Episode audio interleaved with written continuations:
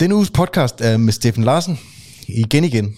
For Steffen var jo med i episode 2 sidste år, da jeg stadig famlede øh, og ikke rigtig vidste, om jeg var i stand til overhovedet at lave en podcast og have samtaler med øh, mennesker, som jeg ikke kender, med markante holdninger, som øh, jeg måske deler, men kan have svært ved, ligesom alle andre, at stå ved, at jeg har. Det håber jeg, at øh, I er enige i, har vist sig, at øh, i vid udstrækning, så øh, kommer der noget ud af det projekt, som er værd at tage med sig videre. Jeg har i hvert fald tænkt mig at fortsætte med at øh, lave podcasten, øh, uanset om der er lytter og seere, eller om den bliver undertrykt af nogle øh, sociale platforme osv. Steffen repræsenterer for mig en øh, ny type af politiker, som han jo aspirerer til at blive i øh, Liberal Alliance. Øh, Øhm, en tilbagevenden til noget sund fornuft, øh, rationale, øh, data, fakta, øh, som både øh, kigger tilbage historisk øh, og forstår værdien af det, og kigger fremad og øh, er varsom omkring hvordan og omkring hvilke værdier vi bygger fremtiden. Øh, vi satte os ned en fredag eftermiddag øh, og lavede en podcast sammen, og den var vel, jeg tror, i nærheden af tre timer, øh, vores samtale. Så med udsigt til øh, weekend forude, og øh, alt hvad der dertil hører, så er humøret højt, og øh, der bliver ikke holdt igen på mange af de punkter, vi taler om, som øh, er kultur og religion og øh, identitetspolitik, og USA kommer vi sågar også omkring øh, EU. Øh, jamen emnerne er mange i en samtale, der var så længe, men øh, i mine øjne det er jo værdien ved øh, hele projektet. Steffen er en fantastisk samtalepartner og øh, uhyre interessant at øh, lytte på.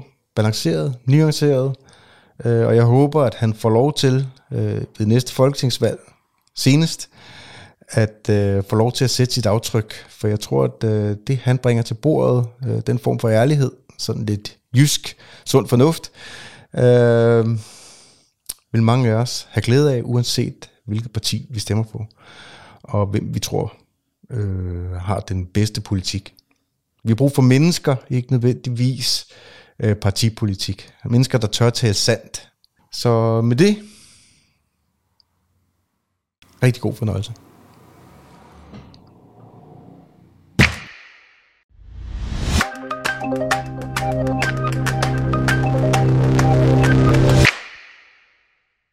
Men hvad er, altså sådan helt overordnet, jeg har snakket med nogle andre gæster om det igennem tiden jo, hvad helvede er grunden til, at man ikke laver systemer, som tjener mennesker, i stedet for at de bare bliver altså, stryger ud af kontrol? Forstår du, hvad jeg mener? Altså, er det 29.000 sider social- og sundhedsloven, eller hvad, hvad? Det er jo fordi, du laver noget, hvor i det samme, du går i gang med det. Den er helt tæt på det. Ja.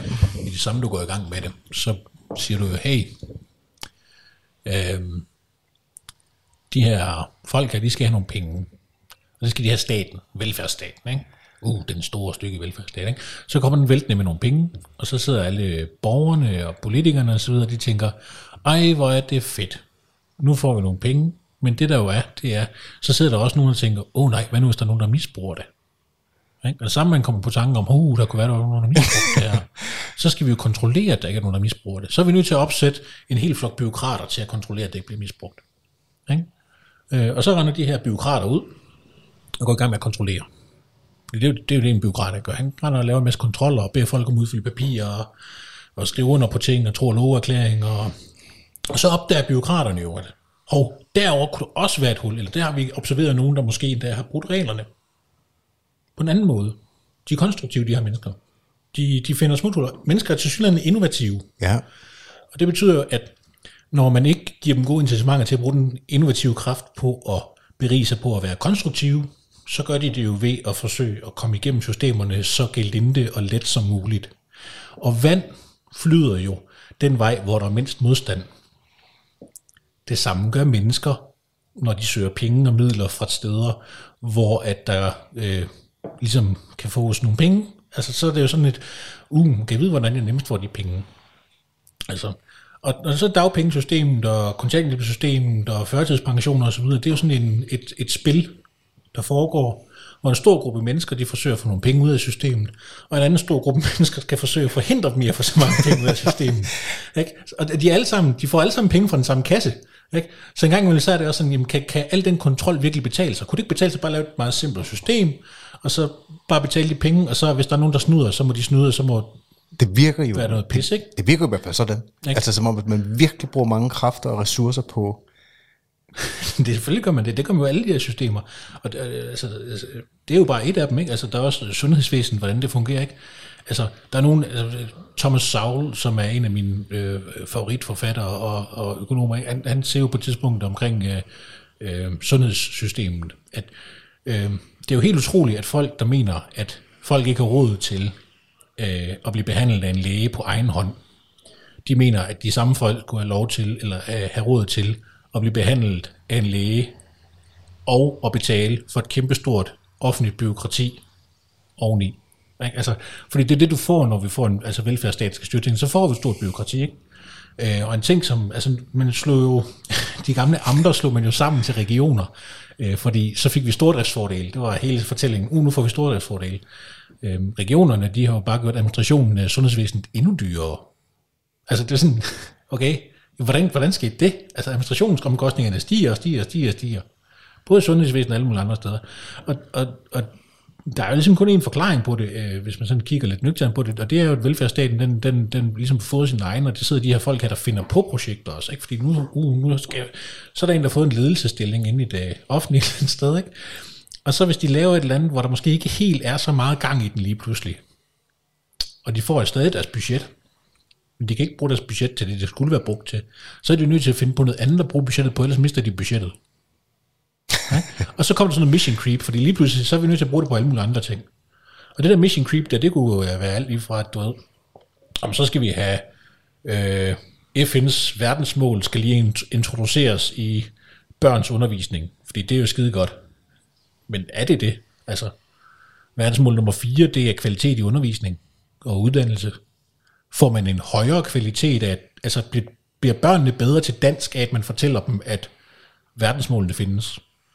Nej, Nej, det, det, det er jo nok muligt. det er svaret, svaret nej. Ja. Så, så, så, så, så den vej rundt, så, så du ved, du får det der mission creep, og du får lige der problemer derude af det. Øhm, og, og, og det er jo sådan det, der sker i de der politiske systemer. Det er derfor, der, er- der er nødt til at være stærke forfatninger og regler og love, som begrænser, hvad man kan bruge midler og penge til rundt omkring. Øhm, og så er det så, jamen, så ender vi om, så Steffen, så er du jo fortæller for de samme byråkrater, vi startede med at tale om over, over i øh, velfærdssystemet, som prøver at forhindre folk i at, at nuppe kontanthjælp. Nu er du bare fortæller for det i forhold til folk, der prøver at nuppe penge ud af andre systemer. Ja, på sin vis, men altså, jeg ved ikke, hvad vi ellers skal gøre ved det, andet måske at nedlægge stor del af velfærdsstaten. altså, det er, jo, det er jo min løsning, men altså, det, det er der ikke så mange andre, der er med på. Øh, så, så der har vi jo sådan lidt nogle, nogle, nogle issues, og vi skal diskutere, hvad vi så gør, ikke? Men altså, Hvor, hvor meget skal vi nedlægge til? Altså, jeg er jo sådan, jeg er jo øh, glad for tanken om sådan nattevægterstaten, du ved, der, der er noget politi, der er noget domvæ, der dom, dom, øh, øh, noget retsvæsen, ikke? Og, og, og, og så er der et forsvar af landet, øh, og, og, øh, og så, så, så er vi stort, stort set derhen, hvor staten dækker sine opgaver, ikke? Øh, man kan jo selvfølgelig begynde at argumentere måske også for en, for en offentlig finansieret sygesikring, men ikke et offentlig finansieret hospitalsvæsen, fordi hospitalsvæsen skulle være privatiseret i sådan en nattevægterstat også. Ikke? Okay. Så, så den vej rundt, så, så er der jo nogle, nogle, nogle forskellige argumenter der, men altså grundlæggende så er jeg jo lun på, at man bevæger sig i den retning. Fordi jo mere vi ligesom får kortet øh, Hvad er det, hvad er det bare så jeg forstår, hvad, hvad er det folk er bange for ved, at vi får en mindre stat? Altså fordi, når jeg, jeg, jeg, du ved, jeg har, ikke, jeg har ikke brugt mit liv på politik, så jeg er lidt analfabet på mange måder i det der system for at forstå folks motiver for, altså hvorfor det ikke bare er sund fornuft og logik, der, der driver værket. Hvad, det synes jo virkelig mærkeligt, at man ikke, det virker som om, man ikke engang kan tale om, at skatten skal ned, og at det offentlige system skal være mindre i Danmark. Jamen, men det er jo det, øh, som Willy Søvndal så flot kaldte en velfærdsmassakre.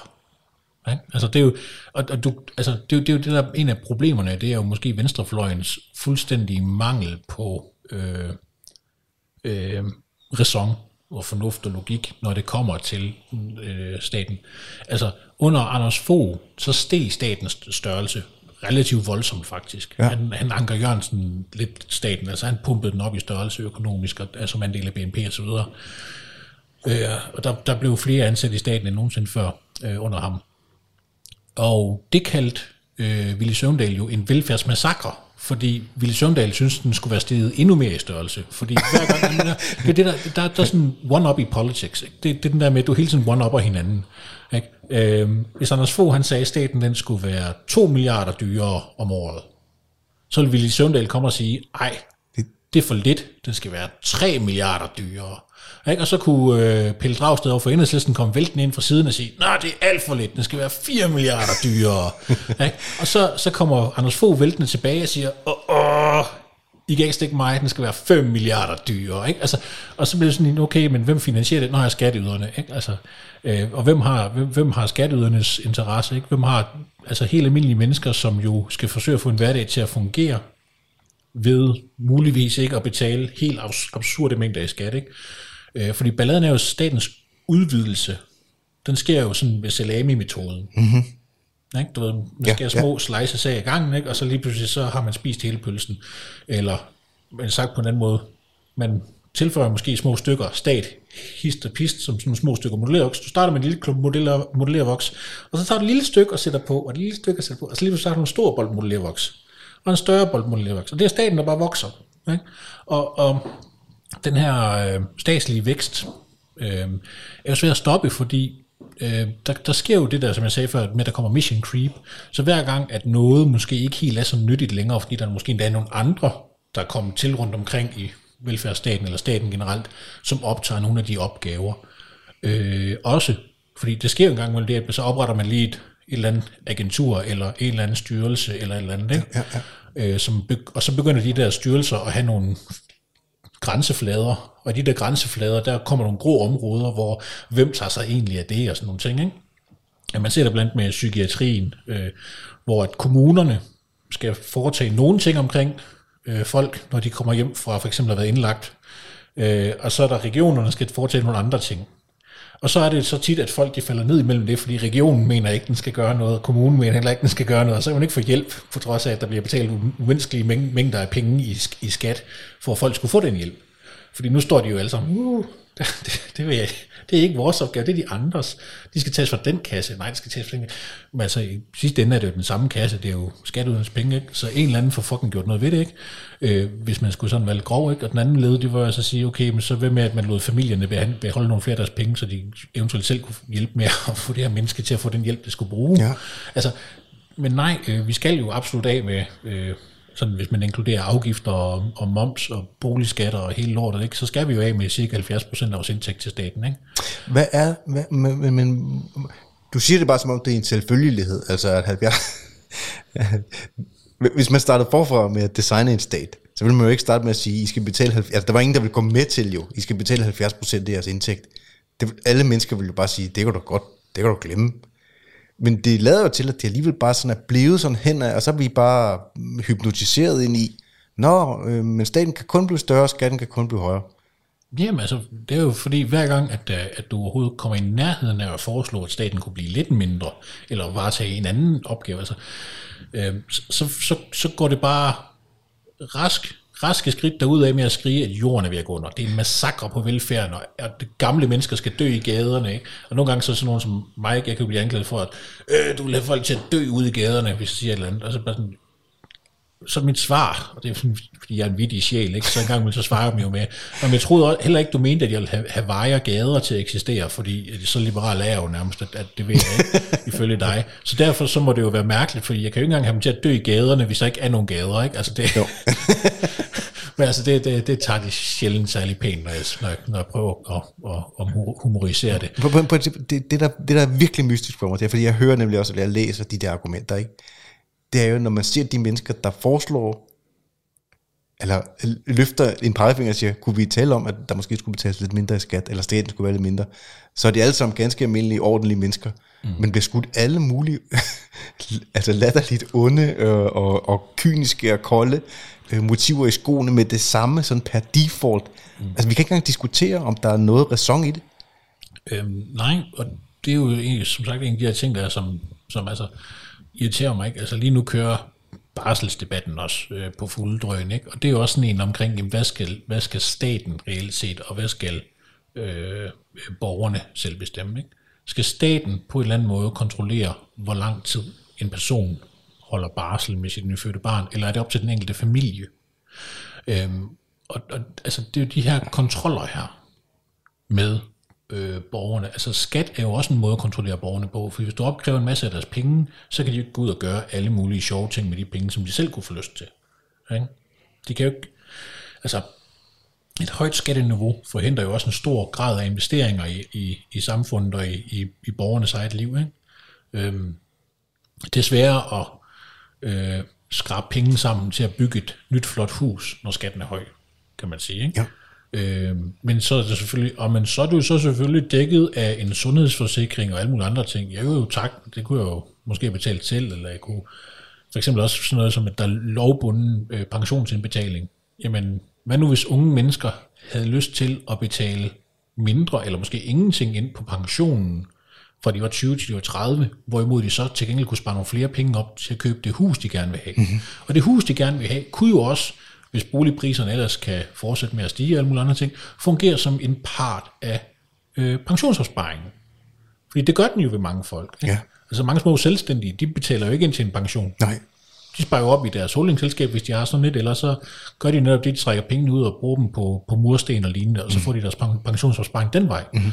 Øh, og det er der jo ikke noget forkert eller odiøst i. Det er jo bare sådan, de gør. Men hvis du er en, en ganske almindelig lønmodtager, og men altså, særligt i staten, hvor øh, pensionsandelen er ekstremt høj, ikke? Øhm, øh, 18 procent og 17 procent og 16 procent, hvad den er, ikke? Det er, jo, det er jo relativt stor klump af din, af din månedsløn, der bare går ind på en pensionskonto, og så ser du dem om 40 år. Men hvad nu, hvis man i de der, fra man var 20 til man var 30 eller 35, brugte dem på sin mursten, kunne man gøre det? Nej, nej, nej, det er meget vigtigt, at staten bestemmer, hvor dine penge ender henne. Ikke? Men det begrænser jo folks frihed og folks mulighed for at gøre forskellige ting. Og det kan godt være, at der er nogen, der vil betale de penge ind på den der statsligt bestemte PFA-pension, eller hvad det nu er for et, øh, et selskab, det skal ende ved. Hvad interesser har staten i at, at bestemme det? Nå, men altså, det er jo tilbage fra... Øh, øh, altså, det er jo fordi, man ikke vil have, at folk bliver folkepensionister. Fordi folkepensionister, det koster staten penge. Så derfor har staten interesse i, at alle sparer op til pension, fordi så er der ikke nogen, der skal leve på statens nåde, når de skal pensioneres. Det er jo tanken. Det er derfor. Ja, ja, og så er det jo også en snu måde at lave ekstra skatter på, fordi de der pensionsopsparinger, der er der jo pælskatten. Pælskatten er jo en skat, der tager en andel af din fortjeneste på din pensionsopsparingsinvesteringer. Og den andel, den nubber man så og stopper ned i statens lomme hvert år.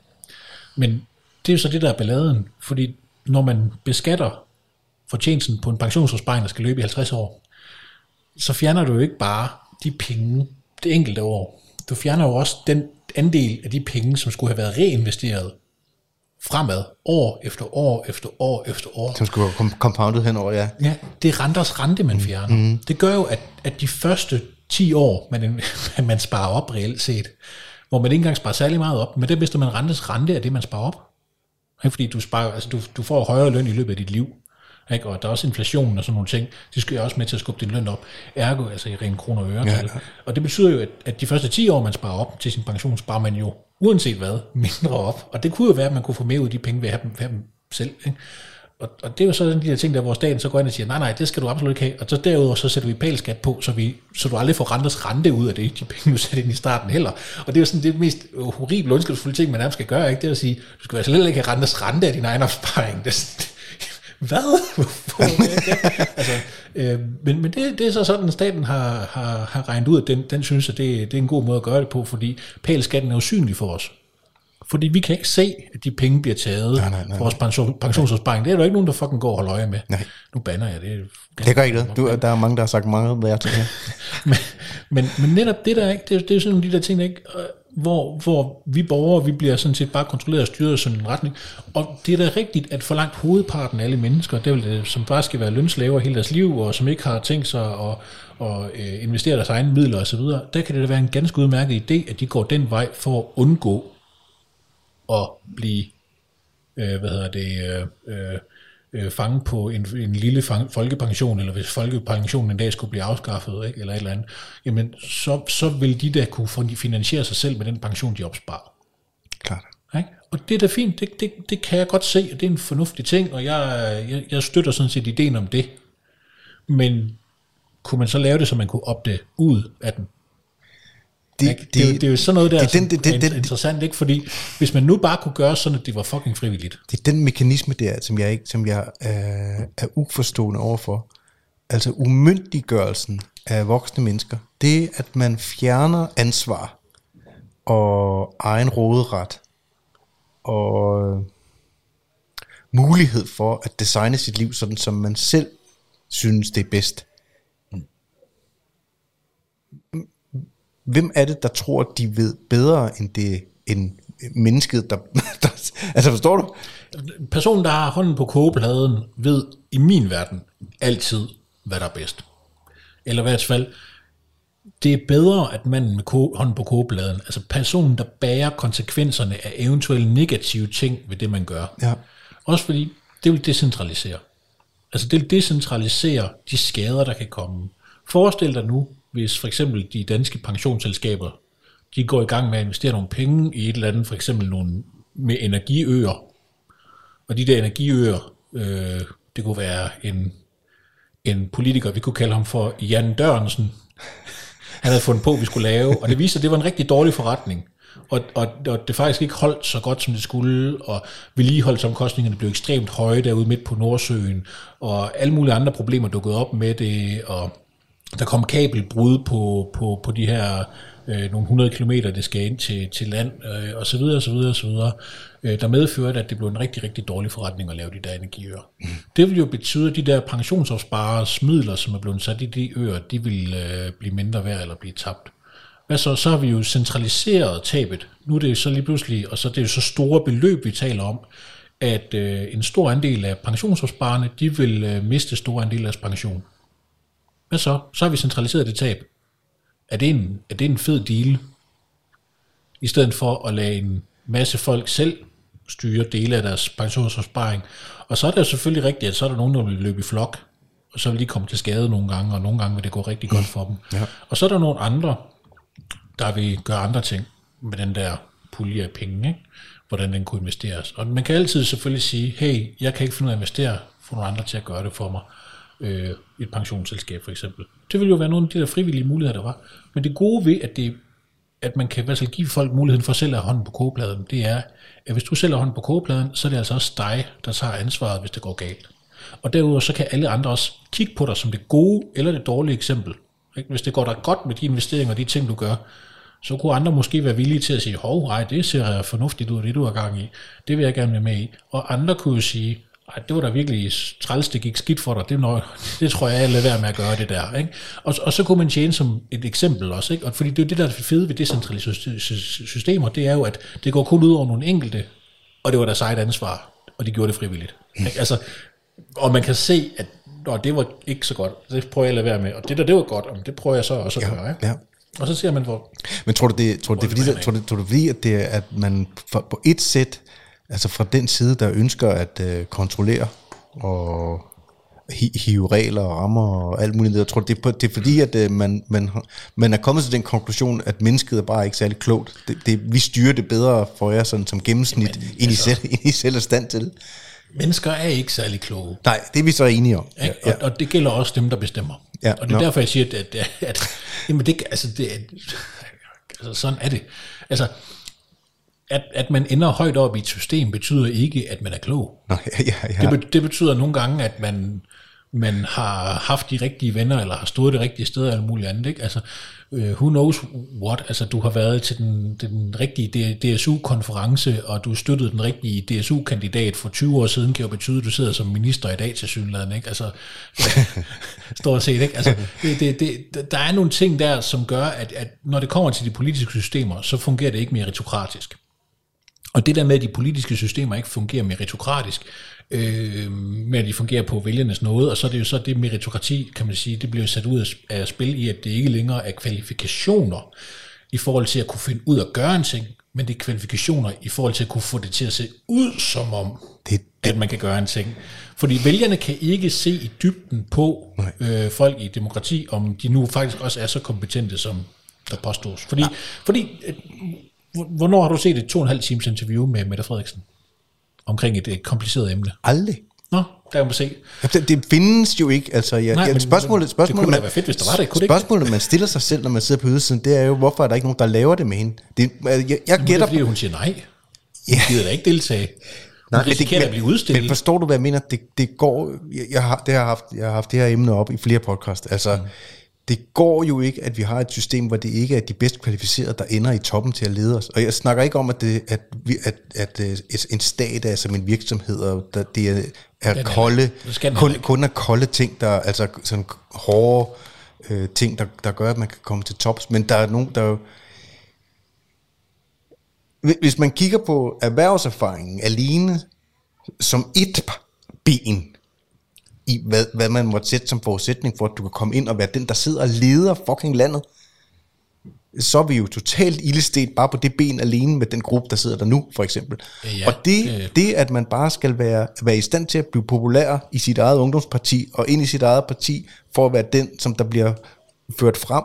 Men det, du, du ikke behøver at vide noget som helst om de emner, andet end på et overfladisk plan. Altså, vores erhvervsminister har jo ingen erhvervserfaring. Nej, det kan man godt høre. Jamen, at, at Forstår det, du, det, jo, det kan Ja. man nemlig godt høre, og man kan også godt se det, ikke? Og, og altså, det er jo det der, det er jo det der er det tragiske ved det. Det er jo netop den der med, at, at der er nogle manglende kompetencer, der er en, en manglende forståelse af ting engang imellem. Altså, hvis vi tager erhvervsministeren, Du ikke? vil jo for helvede aldrig have en elektrikerlærling ud, som ikke har gået igennem en elektrikeruddannelse. Altså, hele det med, at han er elektrikerlærling, altså, måske med en elektriker Svend, som Ja, ja, ja, ja, undskyld, jeg kender ikke terminologien, men Men- forstår, hvad jeg men mener? en- en- Der en- må være den mindste kendskab til, at man stikker sin skruetrækker hen i nærheden af en stikkontakt. Det er, at man ved en lille smule om det. Lige nok det. Og det skal man jo. Altså, det- det der er jo fantastisk, det er jo, at, at ude i det private erhvervsliv og rigtig mange andre steder, der er vi meget optaget af folks evner.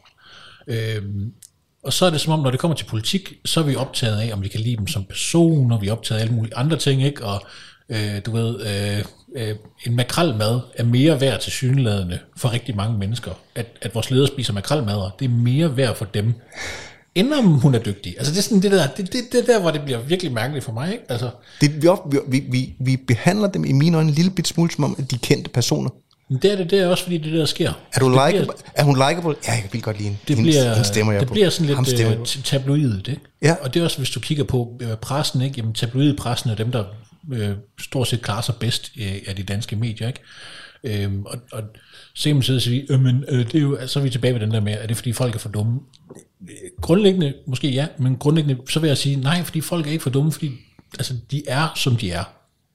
Du ved, altså, så, så kan man selvfølgelig begynde at sætte nogle ting op omkring, hvordan kan vi så få en mere dannet og fornuftig befolkning og alt muligt andet so- social ingeniørkunst, ikke? Altså det er der, hvor jeg, igen er, er, er fortaler for, at vi, vi ruller staten mere tilbage, fordi det er samme, at folk skal tage ansvar for sig selv, så er de nødt til at smarte den op. Altså de er nødt til at, at tænke sig mere om. Ja.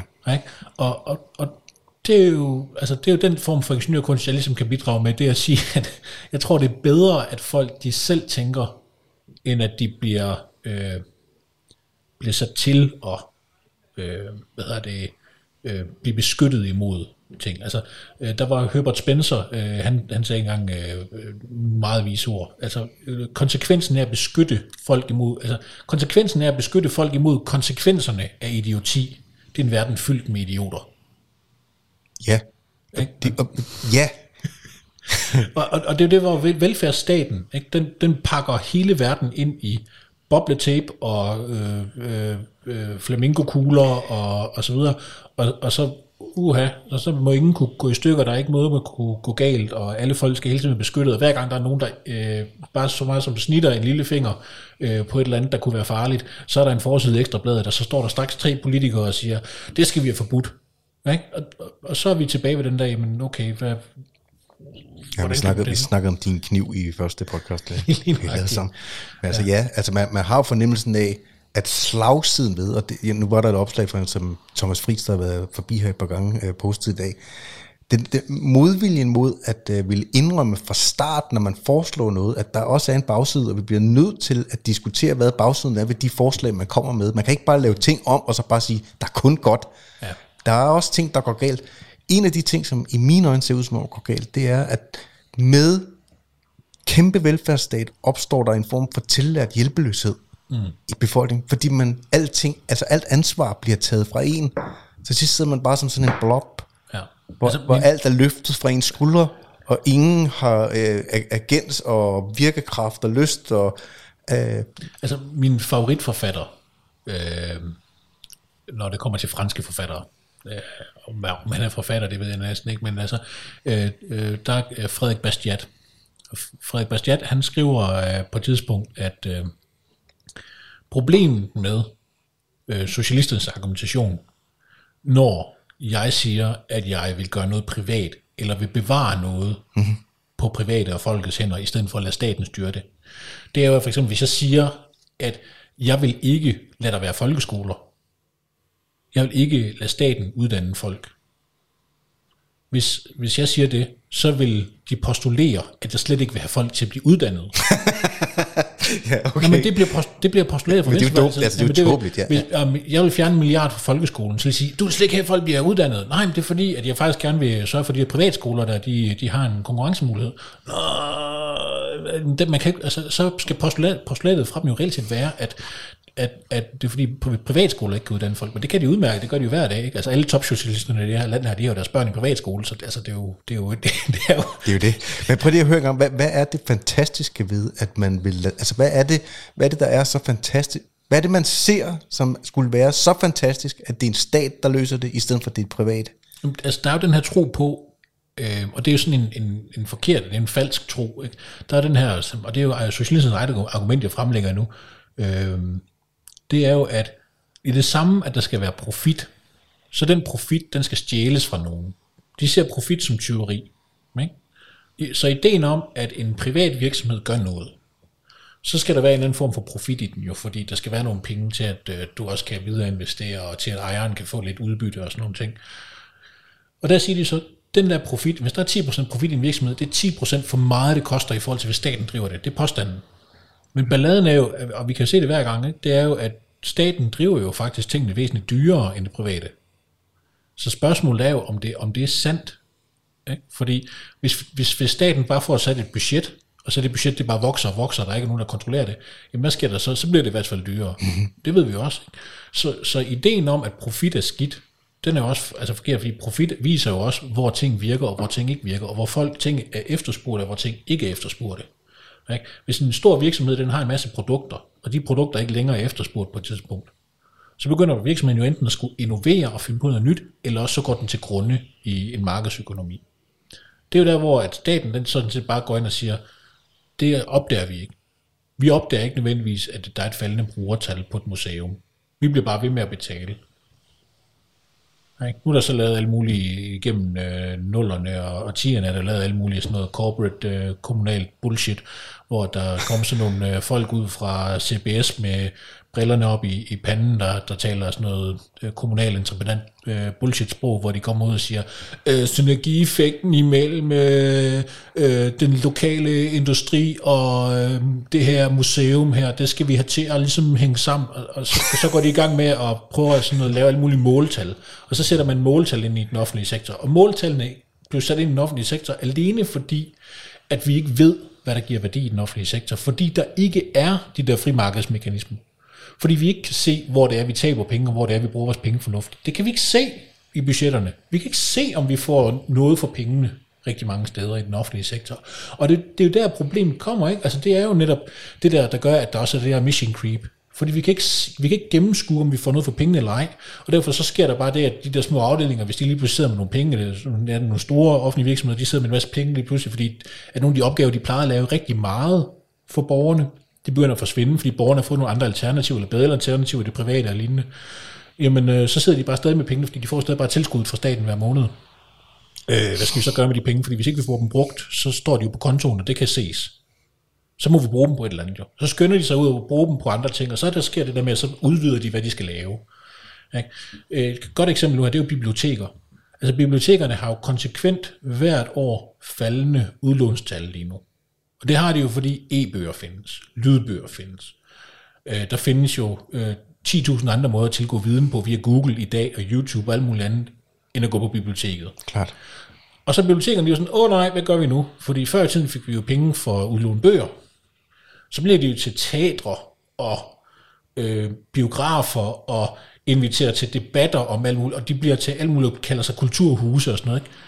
Men det er stadig, altså, grundideen var det jo et bibliotek, og der er ansat bibliotekarer på offentlige lønninger til en formue, der går rundt der og pusler nogle bøger, der ikke er nogen, der låner.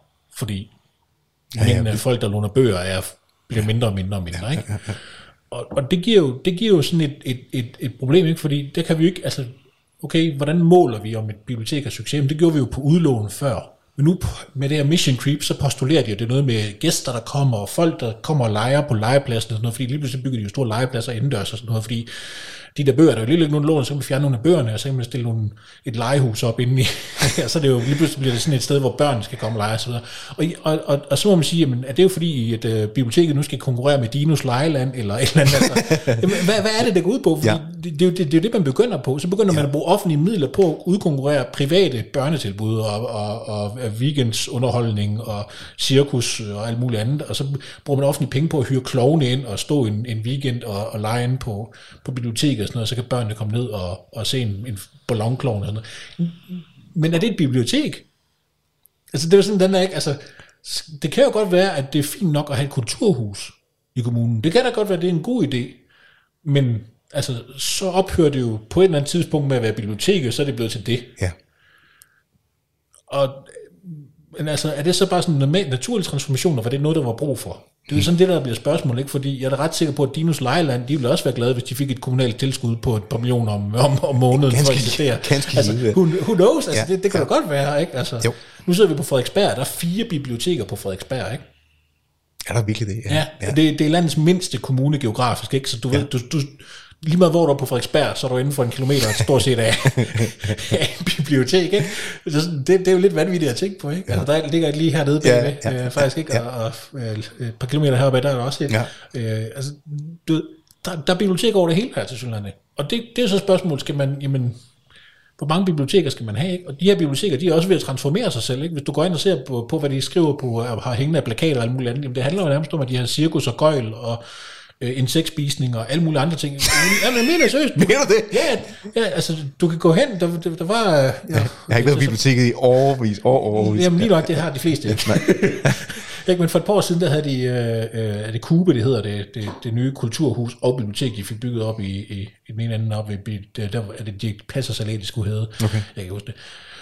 Men, men, men der kunne man komme til insektspisning om tirsdagen, og så var der fællesspisning om torsdagen og sådan noget, ikke? og så var sådan en communityhus lige pludselig. Prøv at høre, jeg, jeg, jeg, faktisk, jeg er helt øh, okay med, at der bliver lavet communityhuse, og man gør alt muligt for, for at få kommunen til at smelte sammen osv. Men man kan ikke gøre det under radaren ved bare at lave biblioteker om, uden at man er enige om, at det rent faktisk er det, der sker, og det er det, der er behov for. Altså by, byrådene bliver jo på en eller anden måde involveret i det, når det begynder at blive vildt nok og synligt nok. Ikke? Ja. Så begynder de jo ligesom at, fordi politikere har jo øjne, og der er jo også nogen, der er kritiske over for brug okay, af penge. Ikke? ja, jo, jo. Så der kommer nogen, der er kritiske, og så bliver man jo nødt til at begynde at, at på en eller anden måde lave en offentlig plan ud af det. Og der er altid nogen, der er med på, at der bare skal bruges flere penge. Der, du kan altid gå hen og lige trykke en fra enhedslisten eller SF på maven, og så er de altid med på, at der bare skal bruges flere penge. Ja, men det, og det er faktisk det er en anden mekanisme, det der, som jeg synes er vildt interessant i forhold til det hele diskussionen omkring privat versus stat eller versus offentlig. Hvis ikke, altså i min virksomhed, hvis der, er- hvis der er mangel på penge, mm. eller hvis øh, jeg skal købe noget mod at gøre noget andet, eller hvis jeg skal løbe over budget, eller jeg skal holde mig under budget, og hvad det så kræver, de forskellige to ting, det er sådan rimelig over som en hø hele tiden. Ja, det der er ikke noget, der bare løber sådan af sporet. Fordi hvis det løber af sporet, så løber mit liv af sporet. Mm. Sådan har, er det min fornemmelse, at mange private virksomheder er drevet.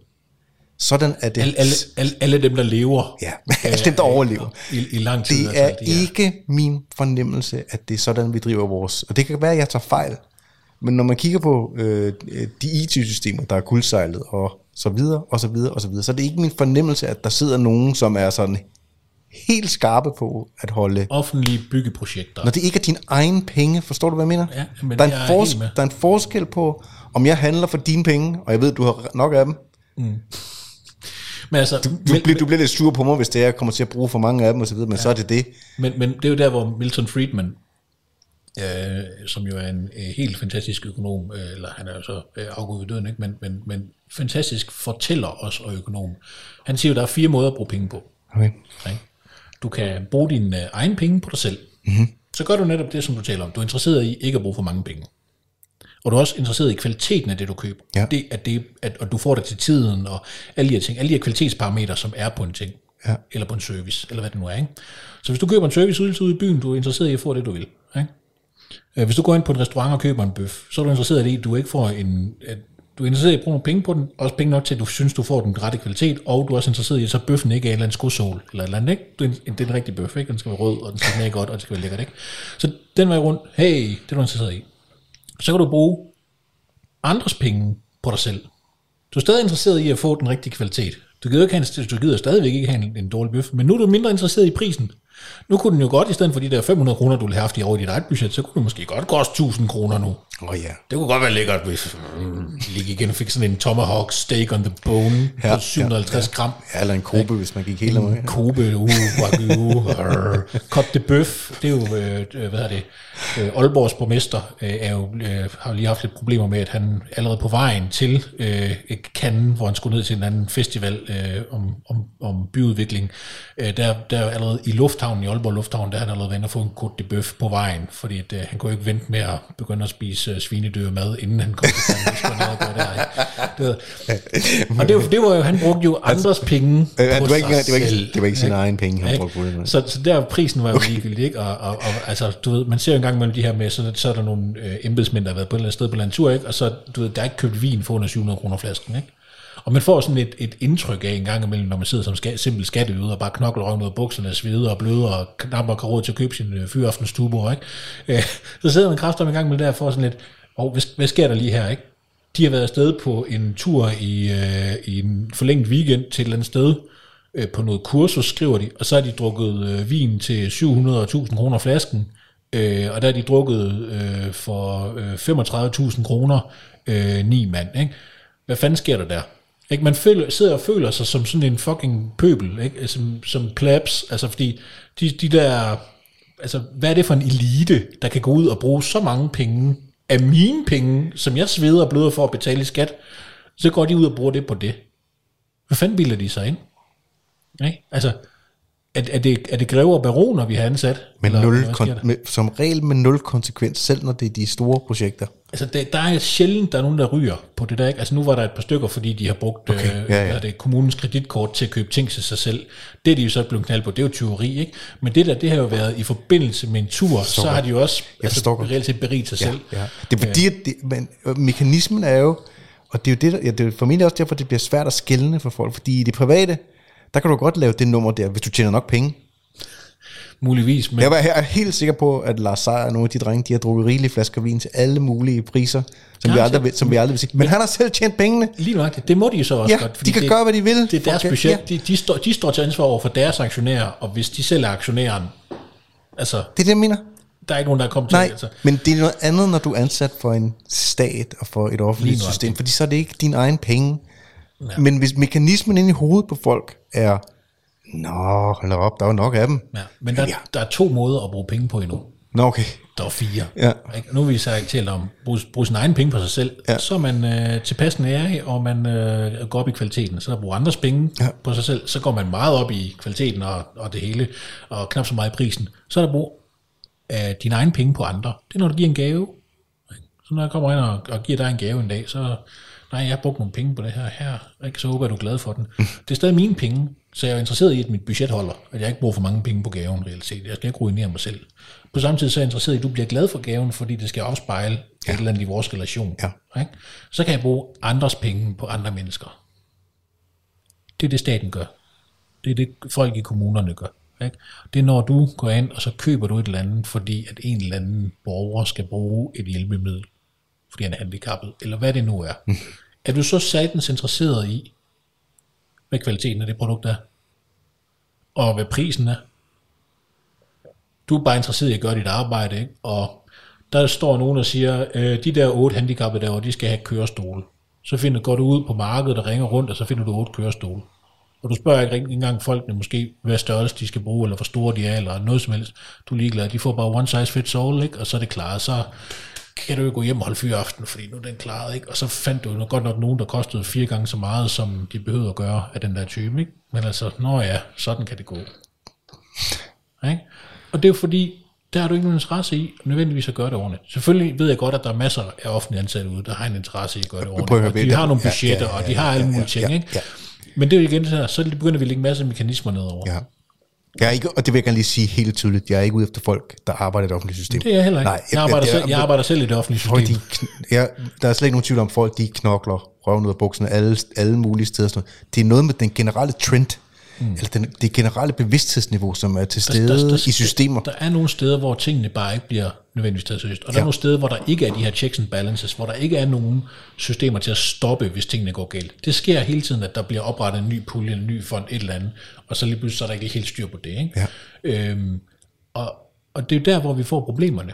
Ikke? Og der, er der er også nogle steder, hvor om det er et nyt område, det her, og så er der ikke nogen idé om, hvad koster ting øh, for staten at købe ind i det område, eller gøre i det område. Ikke? Og så bliver det også bare nogle helt mærkelige, tilfældige tal, der bliver slynget rundt. Ikke? Øhm, indtil der er nogen, der endelig får lagt et ordentligt budget tre år senere, og man finder ud af, at man har betalt sindssyge overpriser eller, eller andet. Altså, fordi det er det, der sker. Ikke? Altså, og, og, og, det er den vej rundt, at, at vi har nogle af de her problemer. Ikke? Altså, øhm, der er også nogle gange, du ved, så er det jo øh, øh, kommunaldirektøren, han, hans nabo sælger et eller andet produkt, og så er kommunen gået i gang med at bruge det, fordi det var nemmere for ham bare lige at tale med naboen og have en god relation til ham, end det var at gå ud og gøre det, det man skulle gøre, og sende det i udbud, eller kontrollere med, med forskellige grupper om, om, hvad var den rigtige vej at gå med det her produkt, eller den her service, vi skulle bruge.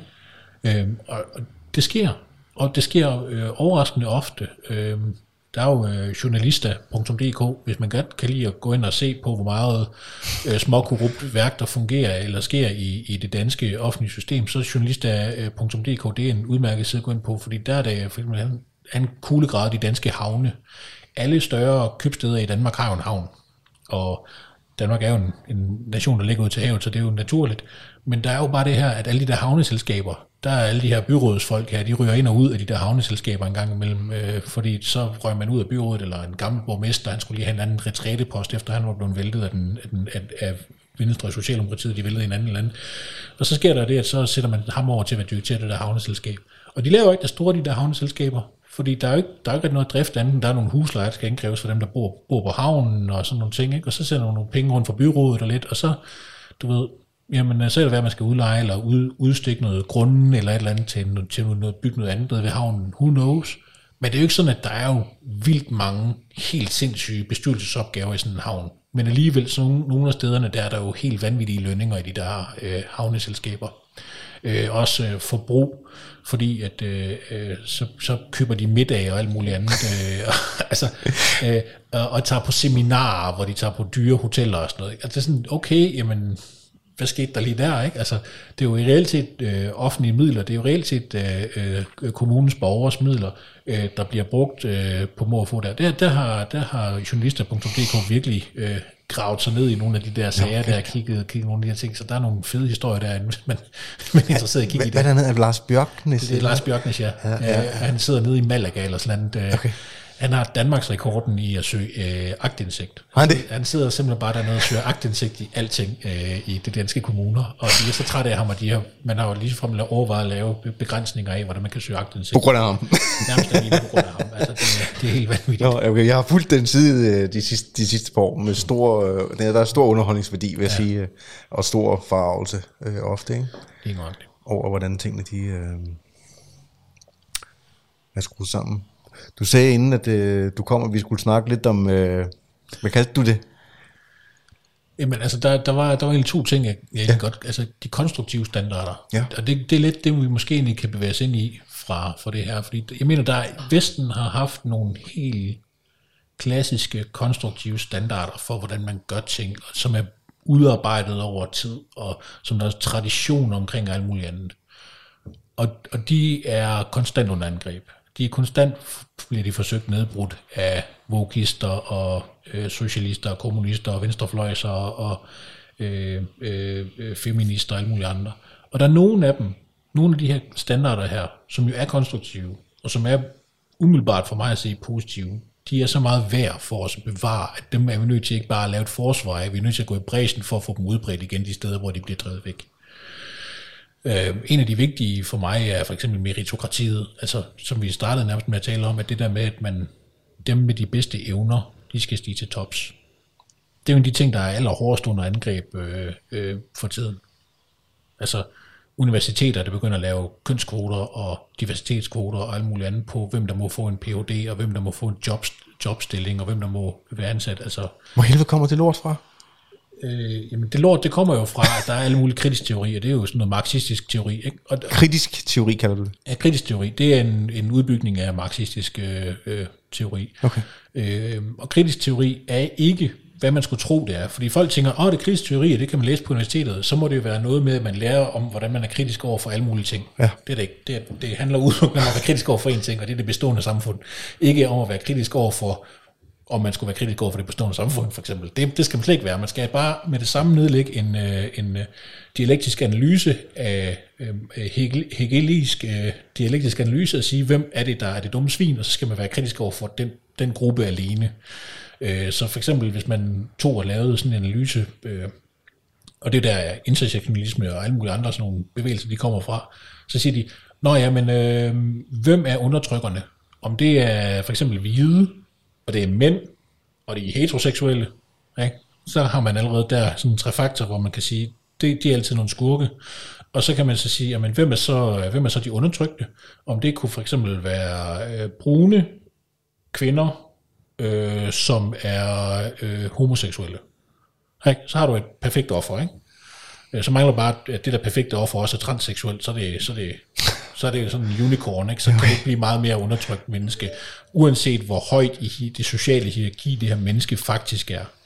Hvilken stilling det har, hvor rigt det her menneske faktisk er. Det er fuldstændig pillet ud af den nu. Ikke? Fordi nu bliver det bare sådan en, åh, oh, oh, jamen, nu kan vi sige, at diversitetskvoter og lignende skal hjælpe det her menneske frem, på trods af, at det her menneske måske allerede er fremme. Ikke? Og så ud fra den der analyse, ikke, jamen, så lad os være sådan et en helt almindelig kloakarbejder, der hedder Peter. Hun kommer fra Brøndshøj, ikke? og som kører rundt med sin slamsuger, ikke? og sørger for, at toiletter ikke er stoppet. Øh, han vil være undertrykker.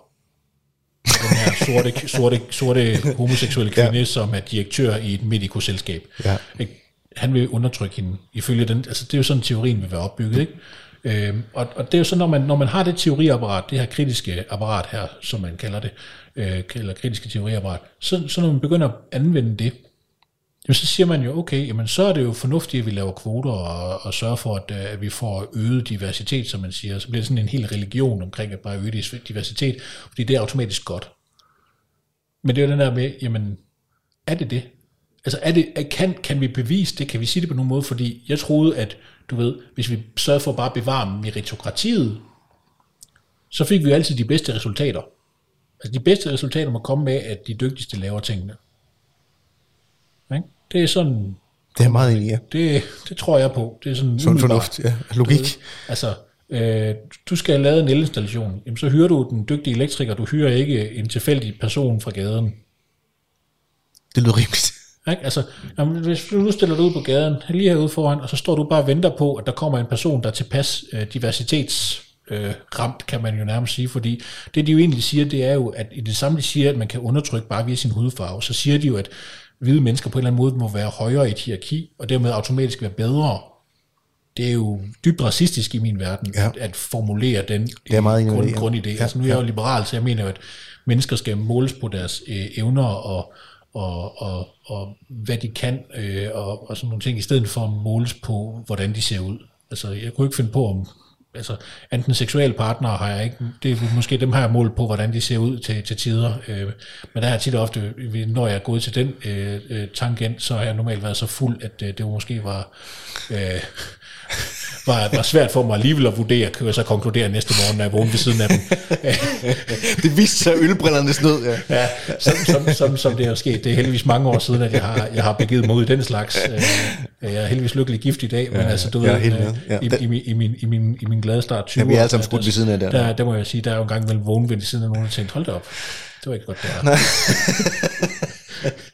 Øh, og så, så er det gået helt galt, når de har åbnet munden og begyndt at tale til mig, og så har jeg fundet ud af, hvor, Ja, hvor, hvor ja. forfærdeligt Der har vi alle sammen været. Øh, så, så den vej rundt, så, øh, øh, så er det jo sådan, at, øh, at, at øh, vi er nødt til at ligesom øh, bevare den konstruktive standard, det er, som me- meritokratiet er. Den konstruktive standard, den er vi nødt til at beskytte. Og, og meritokratiet er afhængig af en anden konstruktiv standard i vores samfund, øh, konkurrence.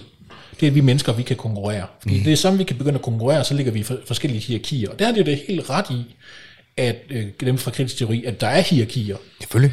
Ja, de, de antager så bare, at de der hierarkier, de baserer sig udelukkende på rå magt. Det er bare magt det hele. Ikke? Og det er derfor, den hvide mand, han kan undertrykke en sort øh, kvindelig direktør. Ikke? Det er fordi, at han har bare automatisk højere magt, og så kan han jo bare bruge den magt til at undertrykke hende. Hvor fanden kan dig, ikke? Altså, hun er da måske bodyguard. Altså, ja. Hvis hun sender øh, otte store, øh, hertebrede fyre hen og tæve ham, hvordan, hvordan undertrykker han ved det? Altså, det, du ved, han kan ikke undertrykke. Altså, det, der, er- der, det var sådan nærmest fysisk umuligt for ham at kunne komme i den situation, hvor han kan undertrykke hende. Ja. Så, så, så, alene det, at de kan postulere, at den magtforskel skulle være der, og den skal være der generelt, og den er der konsekvent, det, det bliver jo forkert. Det bliver sådan bare helt forkert. Ikke? Altså, og, men, men de postulerer, den er der alligevel, og derfor så skal vi lave kvoter og alle mulige andre ting. Øh, fordi vi skal ikke se på folks evner, vi skal se på, øh, hvor undertrykte de er. Nå, men tilbage så til, til øh, hvad hedder det, konkurrence. Det her med konkurrence, det er jo vigtigt, fordi i det samme, vi begynder at bevæge os socialt imellem hinanden, os mennesker, så konkurrerer vi. Mm. Det er naturligt for os at gøre det. Ja. Kvinder og mænd og hele lortet, vi konkurrerer alle sammen med hinanden om nogle ting. Vi konkurrerer socialt, vi konkurrerer omkring at være dygtige, vi konkurrerer omkring øh, øh, alt muligt. Mm. Ikke? Altså, og, og de der, der er der nogle kvinder rundt omkring i, i, i landets børnehave, kan jeg afsløre, og, og, og vuggestuer og lignende, som siger, at vi konkurrerer altså ikke. Og det er dem, som øh, øh, bruger allermest tid i køkkenet på at lave den helt perfekte spelt muffin, et eller andet, til når børnene har fødselsdag over i, i vuggestuen, ikke? Og, og sådan noget der, ikke? Så, så Alle mennesker konkurrerer. jo, kunne fanden konkurrere, ikke? Altså, ja, alle mennesker konkurrerer. Øh, det er dem, der udskammer andre på aflære og så videre. Det er konkurrencemennesker ud over alle grænser, på trods af, at de nogle gange postulerer, nej, vi kan ikke lide konkurrencer. Ikke? Og så, du ved, børn for eksempel, ikke? I folkeskolen, så sker der sådan noget. Nu, er, nu er faktisk, faktisk øh, min mor, hun sendte mig en invitation til sådan et øh, børnecykelløb. Øh, der var i Kolding. Jeg har jo små, små børn. Og jeg, og jeg kommer fra Kolding oprindeligt. Og, og, og det der børnecykelløb, så sagde de, alle børn vinder. Det, det, tændte, det tændte mig simpelthen, jeg blev sådan helt irriteret. Altså, jeg havde ikke lyst til, jeg kunne måske godt have fundet på at tage, tage derned med min datter. Ikke? Ja. Men, men hun, skulle, hun skulle fandme risikere at tabe, hvis jeg, vi skulle deltage. Altså, for- hør, hun er tre år gammel, ikke? og det er selvfølgelig, hun vil måske kunne blive ked af det, hvis hun tabte, eller, eller who knows. Men, men jeg må virkelig tilstå, at det er en læringsoplevelse at tabe, fordi vi taber i livet. Vi kommer til at tabe. Og Vi hvis, taber sgu da alle sammen hele tiden. Lige nøjagtigt. Ja, ikke? Altså, det er jo ikke os, der sidder og spiser uh, Côte de Bœuf i uh, Aalborg Lufthavn, og drikker rødvin til 700 kroner, så der, er noget, der har vi jo tabt. Jeg har Altså, tabt den der. du, du får lov til at betale for det. Vil du ikke have fået, vil du ikke have fået Côte de Bœuf? Ja, altså, nej, men altså, det, der er hele tiden, hele tiden er der øh, muligheden for at tabe i livet. Der er, du ved, bare valg af partner. Bare, bare tænk tilbage på dine teenageår, Thomas. Ikke? Jeg tænker tilbage på mine teenageår med stor irritation og ængstelse, fordi jeg kan da huske alle de der piger, der afviste mig. Øh, jeg kan også huske nogle gange, øh, når jeg afviste nogle piger, fordi de, de var også lune på mig en gang, men ja. heldigvis, øh, så var der en gang mellem nogen, der, der synes jeg var sød. Øh, men, men helt generelt ikke, altså, men man, man, det at gå hen til et andet menneske og sige, hey, skal vi lege sammen? Ja. Altså bare som børn, ikke? Ja. Det andet menneske, det andet barn kunne finde på at sige nej. Ja. Åh oh, nej, ikke? Så blev man også skuffet der. Jamen altså, du ved, vi kan jo ikke pakke mennesker ind i vat, og børn skal jo heller ikke pakkes ind i vat. Selvfølgelig skal de da beskyttes imod de værste skrammer og buler og slag, men de er nødt til at prøve at tabe. Så når man laver sådan et arrangement, hvor man siger, at ingen kan tabe, alle får en medalje, jeg fucking hader det. Ja, det altså, jeg bliver, jeg- jeg det bliver jeg simpelthen så deprimeret ja. inde i hjernen, fordi Som om, der, som om der er noget forkert med at vinde. Jamen, der er ikke noget galt i, at en øh, femårig eller en syvårig ikke får en medalje for at cykle 500 meter. Nej. Ikke? Altså, hvis forældrene er med, og de har hygget sig med det, og de har sagt, ej, hvor var det fedt, og der var mange masse, masse andre børn, der cyklede og så videre, og så var det måske kun, du ved, de tre første, der krydsede målstregen, der fik medalje. Ikke? Det var fint. Og så alle de andre, de kunne stadig godt få slik og kage Ja, og saftevand, og vi kunne have det fucking hyggeligt. Men alle kan ikke vinde. Nej, og alle, fordi sådan Fordi er altså- alle kan ikke vinde. Nej, det er jo lige præcis det. Ikke, ikke, i, ikke i sådan noget spil i hvert fald. Ikke? Fordi det der, det burde jo være et spil. Og når alle vinder, så er der ingen, der vinder. Så er det ham, der, der kom først over mållinjen. Hvad betyder det, at han kommer over først over mållinjen? Hvad betyder det, dem, der kom først over? Det betyder ikke en skid. Det er lige meget. Ikke? Altså, så bliver det bare sådan en, øh, hvor vi bare alle sammen kan stå og tabe. Er det også det, er det, også det, det, er også det, du mener, når du siger beskyttelse hvad kalder du det? Beskyttelse af... Det, vi det, du startede med at sige, øh, beskyttelse af vest, de vestlige værdier. Alt det, vi Ja, har bygget. fuldstændig. altså, at, øh, Fordi vi, det, det her, det er jo en del af de oprindelige vestlige værdier. Det er jo den her med, at, at øh, vi er nødt til at gå ud og få nogle skrammer og slå os lidt i løbet af livet. Også fordi, at, at når man kigger på de her øh, unge mennesker på universiteterne, der render og maler deres hår blåt og klipper det, klipper det kort og begynder at tvivle på, hvilken køn de har og alt muligt andet. Det der jo er for dem, det er jo, at de begynder jo at gå op i sådan noget, der hedder mikroaggressioner og sådan noget. Ikke? Jamen mikroaggressioner, det er jo kun noget, du kan gå op i, hvis du aldrig har prøvet at have modstand i hele dit liv. Du har aldrig prøvet at være i en konkurrence, hvor du risikerer at tabe, eller hvor du har tabt. Og hvis du har, så er du gået så meget mok over det, og der er ikke nogen, der har stoppet dig i det. Der er ikke nogen, der har sagt, jamen det er sådan er livet bare. Get over it, kid. Ikke? Det er der ikke nogen, der har sagt til dig til synligheden. Ikke? Og nu står du 19 eller 20 år gammel øh, over på CBS og brokker over en mexikanerhat. Ikke? Jamen for, tag dig sammen. Ikke? Kom ind i kampen, og så prøv lige at finde ud af, hvad er det, hvad er det faktisk en aggression af? Fordi en mikroaggression, som jeg har læst dem og forstået, de der mikroaggressioner, som der blev skrevet øh, side op og side ned om på, på Twitter. og muligt andet. mikroaggression, det lyder så latterligt. næsten Jamen det er for eksempel, hvis jeg går hen til dig, og så siger jeg et eller andet til dig, som, som er lidt mindre pæn, end det kunne være. Ikke? Eller at jeg siger for eksempel, hvis jeg nu har en... Øh, Du giver mig et forkert blik, eller hvad er det Ja, sådan jamen, noget? Eller lige, lige før, ikke? Altså, det, er, det er faktisk øh, som, øh, øh, der er jo, øh, øh, hvad hedder nu, øh, Mai Consoleta Namangambe, eller, jeg rammer aldrig det der efternavn der. Er det og, det, og det er jo allerede der, er jeg i gang med en mikroaggression, fordi jeg ikke kan udtale en person med anden etnisk herkomst end mins, øh, øh, hvad hedder det, øh, Navn. øh, efternavn. Ikke? Altså, øh, bare, bare mængden af tid, jeg har brugt på at lære for eksempel øh, Jakob M. Chimgamas efternavn ordentligt. Ikke? Altså, det, og det er jo fordi, der er måske lidt for mange konsonanter i forhold til vokaler eller andet. Jeg, jeg ved det ikke, altså jeg har bare svært ved at udtale det korrekt. Men Maja Consoleta, det, den får jeg da helt rigtigt, og så er det altid, jamen, jeg kan sgu ikke, Nej, jeg nej, kan ikke den nej, der... nej. Altså, og, og, og, det gør mig selvfølgelig øh, ondt, hvis jeg en dag skulle stå og tale med hende, at jeg ikke ville kunne udtale hendes navn korrekt. Hvis jeg skulle præsentere hende foran 800 mennesker, så ville jeg måske gå hen og spørge hende, hey, hvordan er det, jeg udtaler dit efternavn Så korrekt? vil man øve sig på det. Lige nuagtigt. Ja, ja. Men, men, Ja, men der, der er ikke nogen disrespekt ved det, men... fuldstændig. Der. Men, men det vil det være, fordi de vil påstå, at det er en mikroaggression, at jeg ikke kan det navn. Hold nu kæft, man kan jo ikke altid lige ud af boksen. Øh, så- Det skal du kun. For hvis, hvis det, fordi de, de gør det, at de tager og eksternaliserer Ja. deres følelser, alt hvad de kan føle, det tager de eksternaliserer og giver andre skylden for hele tiden. Det er bare ikke sådan, verden hænger sammen. Altså det, du, du ved, altså, hvis vi tager fat i en anden konstruktiv øh, øh, øh, vestlig standard, i min verden i hvert fald, så er stoicismen, ikke? Altså, ja. Og stoi- stoicisterne, de siger, du skal lære at styre dig selv. Mm. Dine følelser må ikke kontrollere dig, du skal kontrollere dine følelser. Bang. Ikke? Så når du er i en konkurrence, og du taber, så skal du ikke gå amok og græde og kaste med dine ting og svine alle andre til. Du er nødt til, i stedet for at gøre alle de der dumme ting, så er du nødt til at opføre dig ordentligt, gå hen til din modpart, som du spillede badminton med, eller hvad det var, og give ham hånden og sige tak for kampen, Ja. som en voksen, som en mand, som hvad man nu vil kalde det. Voksen kvinde, ja. Ikke? Eller en kvinde for den sags skyld. Ja. Jeg er sådan set ligeglad. Ja. Man opfører sig ordentligt. Man tager sit nederlag, og så siger man, okay, jeg tabte. Hvorfor tabte jeg? Så begynder man at, at konstruere, hvordan, hvad skal jeg så gøre for at vinde næste gang? Nu skal man tænke sig man skal planlægge. Det kan du ikke gøre, hvis du bare ligger dernede på jorden og græder og slår i, i gulvet. Ikke? Så derfor det der med, det der med at, at kunne acceptere de der ting, ikke? og kunne styre sine følelser, fordi jeg kan da også godt tabe spil og blive irriteret. Men det gør da ikke, at jeg begynder at råbe og skrige og kaste med ting, eller slå andre, eller et eller andet. Det gør, at jeg styrer mig. Mm. Og det samme er det jo så, når man i, i de her mikroaggressioner og alt muligt andet støder på, ah, det gjorde lidt ondt på mig, uh, på mig.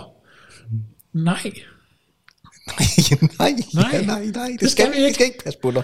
Du skal passe Nej, på du dig skal selv. passe fucking på dig selv. Lige nok. Men tror du, det, tror du, det hænger sammen med, øh, altså man kan jo nogle gange høre, det, det, kan, det hænger også sammen med samme, lidt samme, samme verdensbillede, at staten skal tage dig, altså og stat skal tage dig af alle dine behov og så videre. Men at det også hænger sammen med den, den fornemmelse, man nogle gange kan have, af at folk opfatter. Man, man, når man kigger udefra, kan man vel have fornemmelsen af, at folk opfatter lidt sig selv som værende, sådan her er livet, sådan her kommer jeg altid til at tjene, det er altid det samme, det vil være fremadrettet, det er min situation, og det er mit lod igennem hele livet og tilværelsen herfra og til evig tid. At, den der, at vi har fået pillet den mekanisme ud af hovedet på folk, hvor, hvor man opfatter øh, livet og tilværelsen som en stige, man kan klatre opad, hvis man har lyst. Så du, du står på et trin, og så må du kigge på, okay, hvad, hvad, er det for, hvad er det for nogle parametre, jeg konkurrerer på, for at komme op på næste trin, Jamen, og næste trin, verden og består, næste trin. Verden består af en masse plateauer. Ikke? Og Ja, det er også i mit, det, men, men hvis folk ikke op, hvis folk ikke har det, det mindset installeret, Lige nok. at, men at og, de, og det er det, de skal have, og det er derfor det der med konkurrence, hvis, jeg mener, det var så vigtigt jo. hvis der kun er et plateau, som vi alle sammen skal være lige på, hvis det, hvis det, hvis det er metaforen inde i hovedet, så kan jeg jo godt forstå, hvis man ikke tror, der findes en stige, mm. Eller stiger er forkerte, eller stiger er onde, Ja. og dem, der sidder allerøverst på stigen, de, de er de allerondeste. Ja. De har ikke gjort noget for at klatre op, de er bare placeret der af en eller anden grund. Patriarkatet, patriarkatet har noget. Jamen, så du sådan strukturer i samfundet er Ja. et eller andet knald. Men der er jo en grund til, at oftest er der jo, altid er der en grund til, at dem, der sidder i toppen, sidder i toppen. Og det kan godt være, at der er nepotisme, det kan godt være, at der er mm. alle mulige forskellige ting, der gør, men- at du men- kan shortcutte din vej. Men det er jo netop der, hvor at igen merito- meritokratiet er så vigtigt, fordi nepotisme kan jo kun eksistere der, hvor meritokrati det bliver svækket. Ja, Ikke? jo. Altså, det er derfor, man er nødt til at, at, at have nogle grundlove og nogle forfatninger og nogle regler, som beskytter grundlaget for øh, samfundet. Og at man er nødt til at arbejde hårdt for dem. Ikke? Altså, når Aarhus Universitet for eksempel går ud og siger, hvis der kommer fire ansøgninger fra mænd og nul fra kvinder, så ansætter vi ikke nogen i stillingen. Vi skal have en kvindelig ansøger, før at vi vil tillade os at ansætte, også selvom manden er den bedst kvalificerede. Har man gjort det? Ja, ja, det, det har de indført som regel på øh, Aarhus Universitet. Det er jo ganske vanvittigt. Øh, også især når man så kigger på øh, de undersøgelser, der er lavet af netop for eksempel øh, øh, ansættelser som forskere og lignende, men så viser det sig, at kvinder oftere får stillingen end mænd generelt, fordi der er et bias rettet mod at få flere kvinder i forskning i forvejen. Der er bare ikke særlig mange kvinder, der vil arbejde som forskere nødvendigvis. Øh, hvorfor det er, og alle mulige andre ting, det, det kan være tusind grunde, det øh, gider egentlig ikke gå ind i her. Ja, nej, det er også lige meget, Fordi ja. Det, det, er ikke det, der er pointen. Det, der er Nej. pointen, er, at de har indført en regel, der reelt set er et angreb på meritokratiet, og universiteternes rigtige rolle, oprindelige rolle, det er at beskytte meritokratiet. Det er at lave de dygtige mennesker, og sørge for, at folk bliver så dygtige, at vi har de dygtigst mulige til at tage de rigtige beslutninger.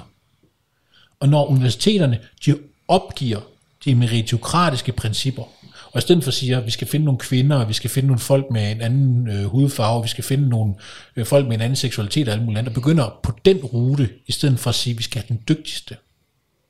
Jeg er da sådan set ligeglad med, om en sort kvinde, der er lesbisk og transseksuel eller muligt er den dygtigste. Hvis hun er den dygtigste, så ansæt hende, fordi hun er den dygtigste. By all means. For det, det er jo det, der er ideen med Ja. Ikke? At vi skal have de dygtigste. Ja. Når man så går i gang med at sige, nej, nej, nej, nu skal vi absolut have, at der altid er kvindelige ansøgere, for ellers så kan vi slet ikke ansætte nogen. Okay, lad os så tage tage et område som for eksempel teoretisk fysik.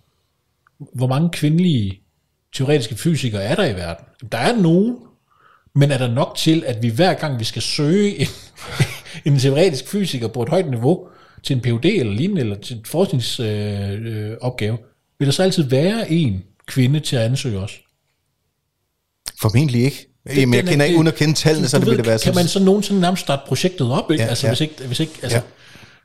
Hvis, hvis, altså, lad os sige, at 9 ud af 10 øh, er mandlige inden for det fag, formodentligvis. Ja. Det er mit gæt. Men den, modsat, korrekt, den ikke? modsatte til Steffen må vel også være, at der må vel også være nogle kvinder, altså, som omvendt vil sige, jeg skal ikke ansættes, fordi at, øh, hvad jeg har i min... Altså, du ved, hvis du, Ja, hvis der du har brugt, hvis det du har brugt, det det hvis du har brugt hele dit, hvis du har brugt hele dit liv på at blive så fucking skarp overhovedet, som du kan i bæret, og, og, og, og øh, forfine dine evner og sikre dine chancer via dit intellekt, og du så bliver valgt på grund af, at du har det rigtige køn, Det kan man da nærmest, har- ikke, du- det kan man nærmest ikke forestille sig mere Uh, hvor var det lækkert, du havde det rigtige kromosompar til det her job. Det er det, jeg mener. Ikke?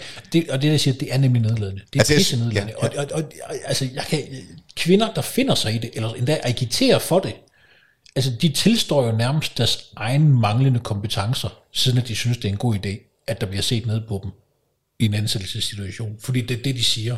Jeg vil ses ned på, så jeg får bedre chancer. Det er jo vanvittigt. Jeg kan, jeg kan simpelthen ikke begribe, at man vil finde sig i det, og jeg kan ikke begribe de, de mennesker, der står den, i, i den situation, de skal ansætte nogen, at de vil sige, øh, jeg vil ansætte en kvinde, fordi hun er dårligere. Altså det er jo reelt set det, de gør også, hvis de for eksempel sætter en kvote op. Jeg vil ikke have ham der fyren, han var super dygtig. Og så var der den her lidt middelmodelige kvinde, men nu tager vi hende, fordi hun er det rigtige kromosombar. Det er jo en vanvittig tanke overhovedet at få, ikke? Altså, men, Hvor, men, hvor, men, men hvor kommer den tanke fra? den kommer jo netop fra, at øh, diversitet altid er godt. Og kvinder er automatisk diverse. Og diversitet, det er sagt som de ydre karakteristika. de, altså, de, de, de arbitrære karakteristika af et menneske besidder ikke deres evner. Ikke deres holdninger. Er det fordi, man, at, at, altså, er der nogen, det er fordi, man mener, at på baggrund af, hvis du har en anden hudfarve for eksempel, så har du en anden, øh, så, må- så må du have en anden øh, oplevelse af at være i verden, som så er værdifuld, som du kan give videre, eller Ja, et men, eller andet. men det er jo ikke set det samme som, at den er værdifuld for den forskning, man skal udføre. Nej, nej, det er så- Eller at den ja, er ja, ja, ja, ja, værdifuld for det ja, arbejde, man skal ja, udføre. ja. Eller den er værdi... Altså, Altså, fordi jeg, jeg vil gerne sige, jeg, jeg, jeg er helt med på, at, at det at have forskellige oplevelser af verden, kan være værdifulde i for eksempel kreative og innovative rum. Ja. Det kan det sagtens være en god idé at have en masse forskellige blik på tingene. Ja. Ikke? Og det kan også godt være, at vi tager, hvis vi tager 10 fyre, der alle sammen har det samme type grå jakkesæt på, og det samme sorte slips, og de alle sammen sidder med den stort set den samme frisyre, ja. så er det godt være, at den ene af dem, han er verdensmester i fyrvittigheder af at se ting på en skæv måde. Og den anden af dem, han er øh, helt fucked up glad for øh, øh, lastbiler. Og den tredje af dem, han har en eller anden hobby med at male og tegne og et eller andet. Det kan man ikke se på folk. Nej. Man kan ikke se på folk, hvad deres indstilling til verden er. Man kan ikke se på, hvem af dem, der er konservativ, hvem af dem, der er liberal, hvem af dem, der er socialist. Det kan du ikke se. Du ser bare et jakkesæt. Mm. Så det der med at konkludere ud fra folks udseende, at de har den samme indstilling til livet og til verden, det er jo lort. ja, Så, så nej, diversitet handler ikke... Hvis, hvis, den moderne form, ja. hvis diversitet i moderne form, der handler om, om folks udseende alene, så kan det godt være, at de måske har oplevet nogle forskellige ting. Ikke? Men betyder det, at de bringer noget værdifuldt med til bordet? I, min, i, i, i mit, og jeg er en amatør på det her område, men i, min, i min forståelse nej. Altså det, der betyder noget, øh, må vel for fanden være, hvem mennesket er indeni, og hvad, øh, hvil- hvilke evner det har fremelsket i sig selv igennem sin tilværelse, øh, som har, har værdi for den sammenhæng, man skal ind i. Mm. Ikke, altså mange af de moderne Hollywood-film, og nu også når man ser Apple, Apple-reklamer, altså alle moderne reklamer, de bliver ulideligt at se på, fordi der skal være en af hver farve, fordi ja. ellers er der nogen, der får... Altså- Altså, forstår du, hvad jeg mener? Det, jo, jeg, det- det- jeg har intet imod nogen af, nogen af farverne, Nej. men når man tvinger det der ned som sådan en øh, Nu skal der remoulade, altså, det, er også, det er også det her med, at, øh, hvis man skal sådan være helt ærlig, nu der nævner du selv de der Hollywood-film, ikke? Øh, jeg, jeg, jeg kan selvfølgelig ikke holde det ud en gang imellem, fordi der er sådan en strong, diverse female character, kommer ind ad døren, kan altid af en eller anden årsag tæve alle, vinde i alt, ved bedre, og ydmyger altid øh, den traditionelle held. Fordi det er jo ikke, og det er jo, det er også sådan en sjov ting, fordi det er, jo- det er jo aldrig sådan, at de, de, de tager og laver deres egen film. Det er jo altid sådan, de tager, du ved, et eller andet eksisterende, Ja, og så indsætter de det der i. Ja. Så indsætter de den der ideologi i. Ikke? Mm, I Star Wars, der skulle uh, Luke Skywalker uh, ydmyges af Rey, som, Rey som et wonder, wunderkind, der kan alting, hvor Luke han skulle bruge flere år på at lære at bruge det for os. brugte 800 så, år på det. Så, så, så Rey, uh, hun, hun kunne det bare. Det var sådan, det fikser jeg lige det der, ikke? Øhm, og så også ydmyger ham, fordi at han er bare en gammel tur mand, og hun sviner ham bare til, og kan alting bedre end ham, så det er lige meget, han skal, skal faktisk nærmest ikke bruge ham, ikke? Ja, ja. Og det samme gælder med alle mulige andre ting på det der, ikke? Øh, der er også, øh, hvad er det nu? Øh, øh, hvad fanden var det? Jeg- så det faktisk for nylig. Jeg så en eller anden åndssvær film på Netflix, som også var sådan en eller anden, hvor at så kommer en eller anden, der er en, sådan en eller anden serie, jeg kan ikke huske, hvad den hedder nu, for det var så ringe, jeg gik ved at kaste op efter første afsnit. Fordi så er der, øh, der, der er sådan nogle folk, de skal sejle med en skib igennem sådan en tog, og så ombord på det her skib her, der er der en af nøjagtigt hver køn, hver hudfarve, hver seksualitet, hver øh, binær kombination, non-binær kombination og alt muligt. Ikke? Øhm, og og så, så kommer der øh, strong, diverse øh, female character, øh, sort kvinde, og, og hun er bare badass bossen, og hun kan bare styre det hele, og hun ved, hvad alle skal, og hun kommanderer rundt med folk, og nu går det her galt, og så ved hun præcis, hvordan hun skal løse alle situationer. Og jeg var bare sådan helt, jamen hun har jo nogen progression, den der karakter, den der figur, alt det der, vi faktisk har talt om indtil nu, det handler jo om det der med, at i konkurrencesituationer og så videre, der skal vi udvikle os og lære, og det er det, der gør en god historie.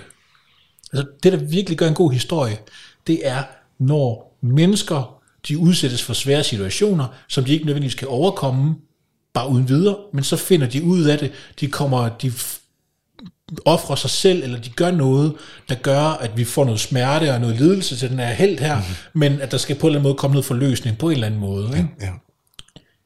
Det er der slet ikke, fordi øh, strong, strong, diverse female character kan bare løse alting, bare ved at kigge på det, fordi de må ikke fejle, fordi hvis sådan en figur fejler, så er det jo en, en aggression mod. Imod, imod folk, der har den samme kompleksitet eller et eller andet. Altså, du ved, det var sådan, nej, stop, det, Ja. det, det, det, er jo ikke, altså, det, det, det, I skriver virkelig dårlige historier alene for at få noget ideologisk et eller andet ind. Det virker sådan. Ja, det virker i hvert fald sådan, og det, Ja. jeg, kan, jeg kan ikke forestille mig, at det, det ikke er det, der sker. Altså, det, det, det, det virker så betændt øh, på mig. Altså, Ja. det, jeg bliver helt... Også fordi det er så tvunget. Altså, det er så presset ind og tvunget ind. Det virker sådan, når man så ser det i hvert Det har fald. ikke noget med historien at gøre Nej, tit ofte. det, det er jo lige præcis altså. det. Og det, altså det, kan man forestille sig en film, hvor der kun er hvide mænd med mere? Jamen altså, det er jo lige før, man tænker, nej, det nej kan det er ulovligt at lave en film kun med hvide mænd, fordi Kan- hvad er det for et hadeprojekt, hvad Altså, man, man, I kan, gang i? altså, det, det, det, man kan jo ikke få filmstøtte til det. Fordi i, i, der er jo... Hvad, I Danmark, eller hvad? Dem, dem der, ja, i Danmark. Jeg mener, jeg mener faktisk, at de fik nedsat, at øh, du ved, hvis man skulle have filmstøtte, så skulle du sørge for øh, øh, kvinder og farvede og så videre, de blev repræsenteret i... i altså, Mener du det? Ja, men jeg kan ikke huske, om der var noget med, fordi jeg tror faktisk, der var nogen, der nedlagde en sag mod øh, Filminstituttet over, at de begyndte at ville stille sådan krav. Det må der håbe. Øh, og at det faktisk faldt, fordi man har, i Danmark har jo ligebehandling øh, så ved lov, og det gør jo, at, at du kan ikke bare begynde at stille krav om, at nogen skal, øh, hvis du skal have støtte til din film, at så skal du sørge for et eller andet diversitetskrav. Jeg kan ikke huske, hvordan den sag er udfaldt. Der var i, i filmmagasinet Eko, var der en, en disput om det i en periode. Jeg, jeg, jeg, jeg fulgte ikke nok med i det på det tidspunkt. Jeg kan, jeg kan ikke huske, hvordan det endte. Det, det, ødelægger jo, det ødelægger jo historiefortælling. Og det, det det ødelægger jo øh, fri kreativitet og, og rum til at fortælle alt muligt skævt, som øh, vi har brug for som mennesker. Mm. Vi har jo ikke kun brug for at få fortalt en, en, en, en øh, diversitetsfagladet øh, historie, vel? Altså, jeg vil altså sige på en måde, der er mange øh, ting, som øh, bliver besværligt gjort, hvis du hele tiden skal tage højde for, at den her person eller den her figur ikke kan blive udsat for et eller andet, der kan virke krænkende. Ja. Fordi, hvordan skal en karakter nogensinde udvikle sig, hvis ikke den på et eller andet led bliver krænket? Hvordan skal du, altså, Klart. hvordan skal der være modstand? Mm, mm, mm. Det er det der igen med konkurrencen. og så videre. Hvordan, hvis ikke der er en modstand imod noget, mm. jamen, hvordan får vi så karakterprogression? Ikke? Altså, det, det, jeg, det er måske derfor, jeg, jeg bliver vildere og vildere med, med, med gamle film igen. Øh, og en af mine yndlingsfilm, det er The Hill, som er en gammel Sean Connery-film, sort-hvid, øh, fra 65 eller sådan noget. No. Og den er fantastisk. Den handler om en flok øh, af hvad er det, britiske soldater, som har deserteret eller stjålet fra hæren eller andet under 2. verdenskrig, og derfor ender de i en værre moras af et forfærdeligt øh, øh, hvad det, militærfængsel i Nordafrika, midt ude i ørkenen. Hvor der er stegende varmt, 50 grader i solen hver dag, og så hver dag, hvis man er dum nok, eller blevet straffet for et eller andet, så bliver man sat til at gå op og ned sådan en bakke. Det er film hedder det hele.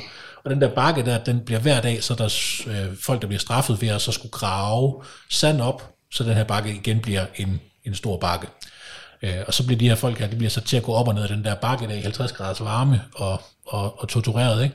Og så Sean Connery, han er så en af dem her. Og man ved ikke helt, hvorfor at han er kommet ind og sidde på det tidspunkt. Hvorfor er han røget i den her fangelejr? Han virker som en meget reel og ordentlig person i forhold til nogle af de andre. Nogle af de andre, det er sådan nogle... Han er den eneste, der virker sådan nærmest på en eller anden måde som et hederligt menneske. Mm. Øh, de andre, de har stjålen eller øh, øh, hvad hedder det, overfaldt en officer eller øh, drukket sig fuld i tjenesten og sådan nogle ting, og derfor er de endt der. Sean Connerys figur er man i tvivl om, hvorfor han er endt der. Og han er endt der, viser det sig, fordi at han har slået en officer ved frontlinjen, som har beordret ham og hans deling til at begå et selvmordsangreb. Så han simpelthen overfaldt den her officer og sagt, "Vi- jeg sender ikke mine folk hen i den der maskingeværsrede i et frontalangreb. Ja. Det dør vi alle sammen. Ja. Øh, og der sker der også det, at Sean Connery, som jo så er øh, sergeant eller sådan noget, eller har været det, delingsfører, han bliver så øh, selvfølgelig slæbt væk fra fronten og så videre. Og så bliver hans soldater stadig beordret til at angribe den maskine, der forfra, og de bliver alle sammen slagtet. Og den der forfærdelige historie, det er jo forfærdeligt, der, det der er sket for ham, at, at det er hans folk, og han sidder der om aftenen, og han skal gen, når han så endelig bliver tvunget til at genfortælle, hvad det er, der er sket, så fortæller han det her, og han fortæller navnene på de der soldater, og, og, og, og det smerter, han har over at vide, de døde, og han ikke kunne gøre noget ved det. Og det, der så næsten smerter ham mest, det var, at han ikke kunne styre sine følelser, da de blev beordret til at begå det selvmordsangreb. Fordi hvad nu hvis, at han havde deltaget i det selvmordsangreb, og han havde set en åbning eller en mulighed, eller gjort et eller andet, der ja, gjorde, at de havde overlevet, ja. og faktisk havde fået taget den bunker. Ja. Hvad nu hvis man... Men, og, og, og, og, det, og hvad nu hvis jeg bare var død sammen med de andre? Mm. Så havde jeg ikke siddet her lidt, lidt lige nu. Ikke? Altså du ved, eksistentielle og store og tunge spørgsmål og mørke skygger og PTSD og alle mulige andre i 65 blev behandlet. Ikke? Altså, det er jo ikke lige der. Det er jo, den, altså, i, i, I den periode tænker man jo sådan nogle John Wayne-film og alt muligt andet. Ikke? Ja, klart.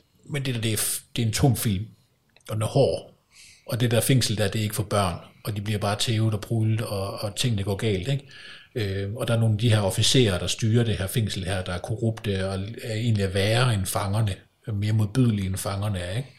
Fordi nogle gange er fangepasserne, det, det er jo faktisk dem, der er de farlige, ikke?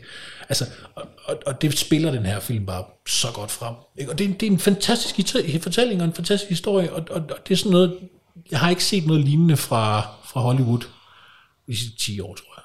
Jo, altså, Der er ikke noget, der når op på det niveau, eller når jeg, ja, Hvorfor ikke?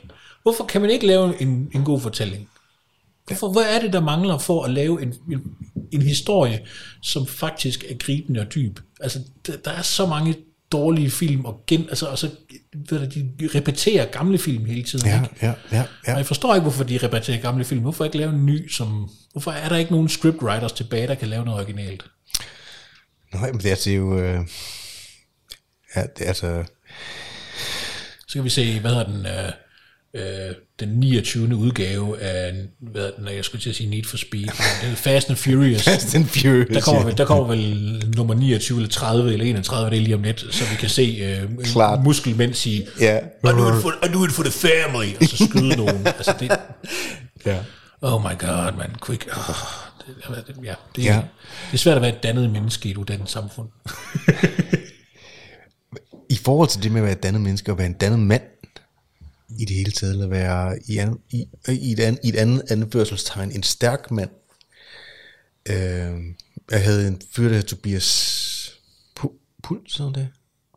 Puts. Jeg blev, i tvivl om, jeg, blev, ja, jeg, blev, jeg blev i tvivl om hans efternavn. Tobias, den får et podcast end den her, øh, som sagde, og jeg fik ham til at gentage det en 3-4 gange, øh, han siger, intet, sam, intet samfund er overlevet uden stærke mænd. Sandt. Det, er- altså, det, ja, det passer. Det er også min, det er sådan, det, det, jeg har sådan en instinktiv respons på det i min krop. Det er jo ikke noget, jeg for 10 år siden havde tænkt over, eller for 20 år siden havde jeg slet ikke tænkt over. Der tænker jeg bare, hvad, hvad stærk mand, hvad, hvad er det for noget klønk?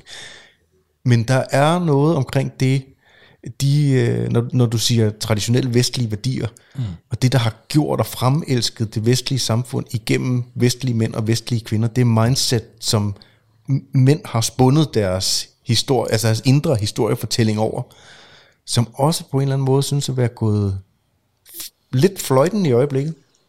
Altså, Eller, eller i øjeblikket, så kan vi måske tale over de sidste 50 år, eller altså maskulinitet er jo nærmest blevet et fyord. Hvis noget er maskulin, så er det jo fordi, det er dårligt. Og det er jo det her med, der kommer alt det her anklager om toksisk maskulinitet osv. Øhm, og det er da rigtigt, at der kan der sagtens være negative ting imellem mænd. Og så kan man da godt gå hen og kalde det for toksisk maskulinitet. Men ja, det er der, hvor jeg så skældner imellem to forskellige ting. Jeg skældner imellem noget, der hedder mar- markismo, og så maskulinitet. Og så ser jeg maskulinitet som værende overvejende positivt, og marxismo som værende overvejende negativt. Marxismo, det er, når en, øh, en øh, mand han kommer gående ind i et lokal, og så begynder han at hakke på en eller anden lille fyr, og begynder at svine nogen til, og begynder at, øh, prøv at mig, jeg er stor stærk mand, hvad så? øh, det er makismo. Ja. Og makismo forbinder jeg ikke med maskulinitet. Makismo forbinder jeg med at være nar, Ja. for at sige det som Ja, det er meget enig med. Ikke? Ja. Øhm, du ved, altså, øh, der er også noget klassisk indvandrerbandeopførsel, og alle sådan nogle ting, der er bandeopførsel. Hells, Ja. Hells Angels er jo øh, Ja. udmærket til at være inden for magismo. Nu kommer de sikkert og tæver mig lidt. Ikke? Ikke? Men altså, der, der er du ved, bandemedlemmer og lignende, de, de, de agerer meget efter magismo. Ikke? Og så er der folk, der går og siger, åh, de er maskuline. Nej, det er ikke maskulint, det der. Det at, at true gamle damer og larme, så du forstyrrer små børns søvn og øh, være en generel nar, det, det er ikke maskulinitet. Mm-hmm. Det er makismo. Mm-hmm. Det er at vise sig på en negativ måde. Tyranni. Overfor at, at tyrannisere og være en bølle og sådan noget mm. der. Det er makismo. Og det er den der klassiske øh, spanske, italienske øh, maskulinitet, hvis man skal sige det på den måde.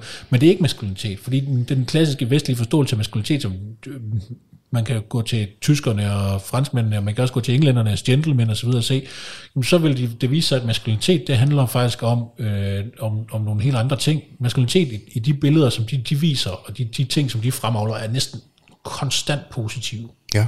Det er konstruktive værdier, de fremhæver. Det at være konstruktiv og skabende er det mest maskuline, du kan være. Bygge et hus, det er fucking maskulint. Mm. Er der nogen, der vil påstå, at det er toksisk og ondskabsfuldt hvis, de, hvis, de, hvis de vil, så, så har de i hvert fald et problem. Jo. Altså, det kan man da godt begynde at postulere, det er, men, men jeg, vil da, jeg vil da hurtigt kunne finde på nogle argumenter for, hvorfor det ikke er negativt. Ikke? Så kan man selvfølgelig godt sige, jamen okay, skal vi så skelne mellem de to ting, og så skal vi sige, at makismo, det er så det, som primært bliver beskrevet som toksisk maskulinitet. Ja, det tror jeg nok. Men det har vi allerede haft et ord for. Vi behøver ikke tilføje øh, toksisk, vi kunne bare sige makismo. Ja. Ikke? Og det er der, hvor jeg bliver sådan irriteret, når at vi skal øh, hælde toksisk over på maskulinitet, fordi det har ikke skid med maskulinitet at gøre. Men det kommer til at smitte af på alle mænd, det der. Ja, lige nøjagtigt. Og det er der, hvor jeg, hvor jeg, altså, øh, hvor jeg bare må sige, at maskulinitet, det, er- det er for mig at se en lang række konstruktive dyder. Det er at være, for eksempel det at være taktisk overvågen. Det er simpelthen komme ind i et rum, og kunne finde ud af, hvem, hvem er det, der står i det her rum, der kan være farlig for mig. Mm. Det er klassisk maskulin død. Ikke? Fordi når en kvinde går ind i et rum, så er det ikke sikkert, at hun øh, nødvendigvis øh, behøver at overveje det. Fordi det har hun jo mændene i rummet til at overveje. Men det plejede hun i hvert fald at have, ja. Det, det plejede hun at have. Ja. Nu, vi- nu er vi i gang med at, at opdrage små drenge til, at de må øh, slet ikke øh, have nogen maskuline træk. Og det tror jeg da udelukkende har negative konsekvenser, hvis jeg skal være ærlig. Ja. Altså, jeg, det kan jo selvfølgelig også være grov generaliserende der, når jeg siger, at vi ikke prøver at give dem maskuline træk. Det er jeg sikker på, at der er masser af fædre Du har, derude, du, der du, gør. har, har du en af dine, der er drenge, eller to piger? Nej, jeg har to piger. Okay, så det er ren fangenskab derhjemme. På en, på en måde, de er helt, de er helt fantastiske. Ja, selvfølgelig. Og, og min, øh, min ældste datter, hun er begyndt at komme ud i værkstedet med mig og stå og skrue i ting og, ja. og, og bruge, øh, hun er tre år nu, og øh, her øh, for et par uger siden, så satte vi nogle nye hylder op ude i værkstedet, og de der hylder der, de skulle så skrues fast, øh, de der træhylder skulle skrues fast til sådan nogle holdere, der skulle ligesom sørge for, at de, de var på plads. Øh, og der fik hun lov til at bruge skruemaskinen Nå, fedt. en stor, dejlig Milwaukee 18, øh, 18 volts øh, maskine der, som bare zzz, altså sådan en skruebar i, ikke? Og der fik hun lov til at trykke på den her knap der, så ved jeg ikke, altså det eneste hun fik vide, det var, at hendes hår skulle være om i en knold, så at hun ikke fik håret i maskinen, når den drejer rundt, fordi så blev det trukket af hende. Mm. Ikke? Så det der, og så skal du bare trykke på knappen. Jeg skulle far nok lige, lige holde den, fordi den var lidt for ja. hende, ikke? Men altså, så skruede hun alle de der, jeg tror, det skulle være 40 eller 50 skruer af de der hylder der, ikke? Og det, det stod hun og skruede i, og hun var så stolt bagefter, og var sådan, og mor skulle ud og se, og ej, prøv at se, hvad vi har bygget. Ikke? Fordi det var konstruktivt, og det var ordentligt, og det var hederligt, og det var maskulint. Altså, Ja. Det, var, det var gode, solide ting at gøre sammen med sine børn, sådan noget der, ikke? Og, og det der med at, at fjerne sig noget, og sige, det er forkert, eller det skal man ikke gøre, fordi det er maskulin. Hvad fanden, det er da den mest åndssvage, jeg nogensinde kunne forestille mig. Altså, maskulinitet er, som jeg, som jeg ser det, øh, hvis, vi, hvis vi sorterer markismen ud af det, så er det egentlig, igen, vi, vi talte om også, øh, kort nævnte jeg, at der var, øh, hvad hedder det, stoicismen. Det er jo det der med, at det er lige meget, hvad der sker med dig. Det, der tæller, det er, hvordan du handler. Du kommer ud for en dårlig situation. Jamen, hvad gør du ved det? Ligger du ned og græder og håber på, at der kommer nogen, der trøster dig og får det til at gå væk? Mm. Eller gør du noget ved det? Det at gøre noget ved det, det er det maskuline. Det går den retning, hvor man siger, okay, det her det var træls. Det var irriterende. Hvad skal jeg gøre ved det? Og så er det ikke det der med at ligge sig og græde og, og pive og, og alt muligt andet. Øh, Og det er der, hvor jeg sådan er sådan grundlæggende den holdning efterhånden, at det at sige til drengen, I skal ikke græde. Du skal ikke græde, lille dreng, når der sker noget slemt. Det er jo sådan en ting, man, man har brugt mange år på nu at sige. Øhm, drenge skal også have lov til at græde og sådan noget. Ja. Nej, men fordi det, når man siger til en dreng, som står i en situation, hvor han måske burde styre sig, i stedet for at græde og være ked af det. Mm. Og så siger du skal bare græde ud, og så trøster ham. Uden, altså, uden at sige, "Ved du hvad, prøv lige. Fordi det at sige til drengen, du skal måske lige stoppe med at græde, og så lige prøve at tage dig sammen, og lige fortælle mig, hvad det er, der sker. Ja. Og sige det i stedet for at sige, og det var også synd for dig. Og så bare give omsorg i det uendelige. Mm. Det at give omsorg i det uendelige, det fortæller drengen, jeg behøver ikke styre mine følelser. Fordi når jeg ikke styrer mine følelser, så får jeg bare omsorg og, og kærlighed. Ikke? Ja. Og det kan jo selvfølgelig også være det, man har brug for en gang imellem, når man er ked af det. Men som en generel regel. Men som generel regel, så tror jeg måske, det er en farlig ting, fordi Ja. drengen bliver til mænd. Og mænd, der ikke kan styre deres følelser, de render rundt og opfører sig Tåbeligt. makismo. Ja, også det, ja. Lige nøjagtigt. Ja. Ikke? Fordi, okay, hvad er det en mand er? Nu, nu vejer jeg 132 kilo lige nu, ikke? Ja. Altså, hvad var et gennemsnitsmenneske? Ja, det ved jeg sgu ikke, hvor meget... Hvad var en gennemsnitskvinde? Det ved jeg ikke, nummer 60 måske. Ja. Det ved okay. ikke være mit bud. Jeg var ja, over det ja, dobbelte af en gennemsnitskvinde. Lad os, lad os Ja, antage det i hvert fald. Det, Ja. det, det tror jeg, jeg gør. Det er mit bud. Mm. De fleste kvinder, jeg, jeg kender, der var jeg jo cirka det dobbelte i hvert fald. Ja. Mit bud er, at øh, hvis jeg ikke kunne styre mine følelser, så vil jeg jo kunne reagere voldeligt, for eksempel. Det gør jeg ikke, fordi jeg kan styre mine følelser, fordi jeg havde en far, der sagde, prøv at lade være med at tude. ja. Ikke? Når noget gik imod mig, ikke? når jeg tabte i miniput fodbold, så fik jeg lad være med at tude over det. Mm. Kom videre. Hvordan vinder vi næste gang? Tænk dig om. Styr dine følelser. Det er jo relativt styr dine følelser, der bliver sagt. mellem hovedet koldt, ja. Ikke? Hold hovedet koldt, tænk dig om. Bliv bedre. Get good. Stop sucking. ja. Men hør, det er jo det, der, Ja. egentlig, det, er jo det, egentlig, det, der bliver sagt, ikke? og det blev så bare sagt til mig øh, 10.000 gange i løbet af min barndom, og så holdt jeg op med at bruge så meget tid på mine følelser, og jeg begyndte at bruge mere og mere tid på, hver gang jeg følte noget ubehag, så satte jeg det bag til, og så sagde jeg, okay, jeg føler ubehag, hvad er det, der gør, at jeg bliver, føler ubehag, og hvordan behandler jeg det på en måde, der gør, at jeg ikke skal øh, udsættes for det igen. Mm. Og nu tabte jeg en, et eller andet. Hvordan kommer jeg videre end det? Og nu sagde hende der kv- pigen, som jeg var lidt lun på, hun sagde nej til mig. Okay, så dropper vi hende, og så finder vi en ny pige.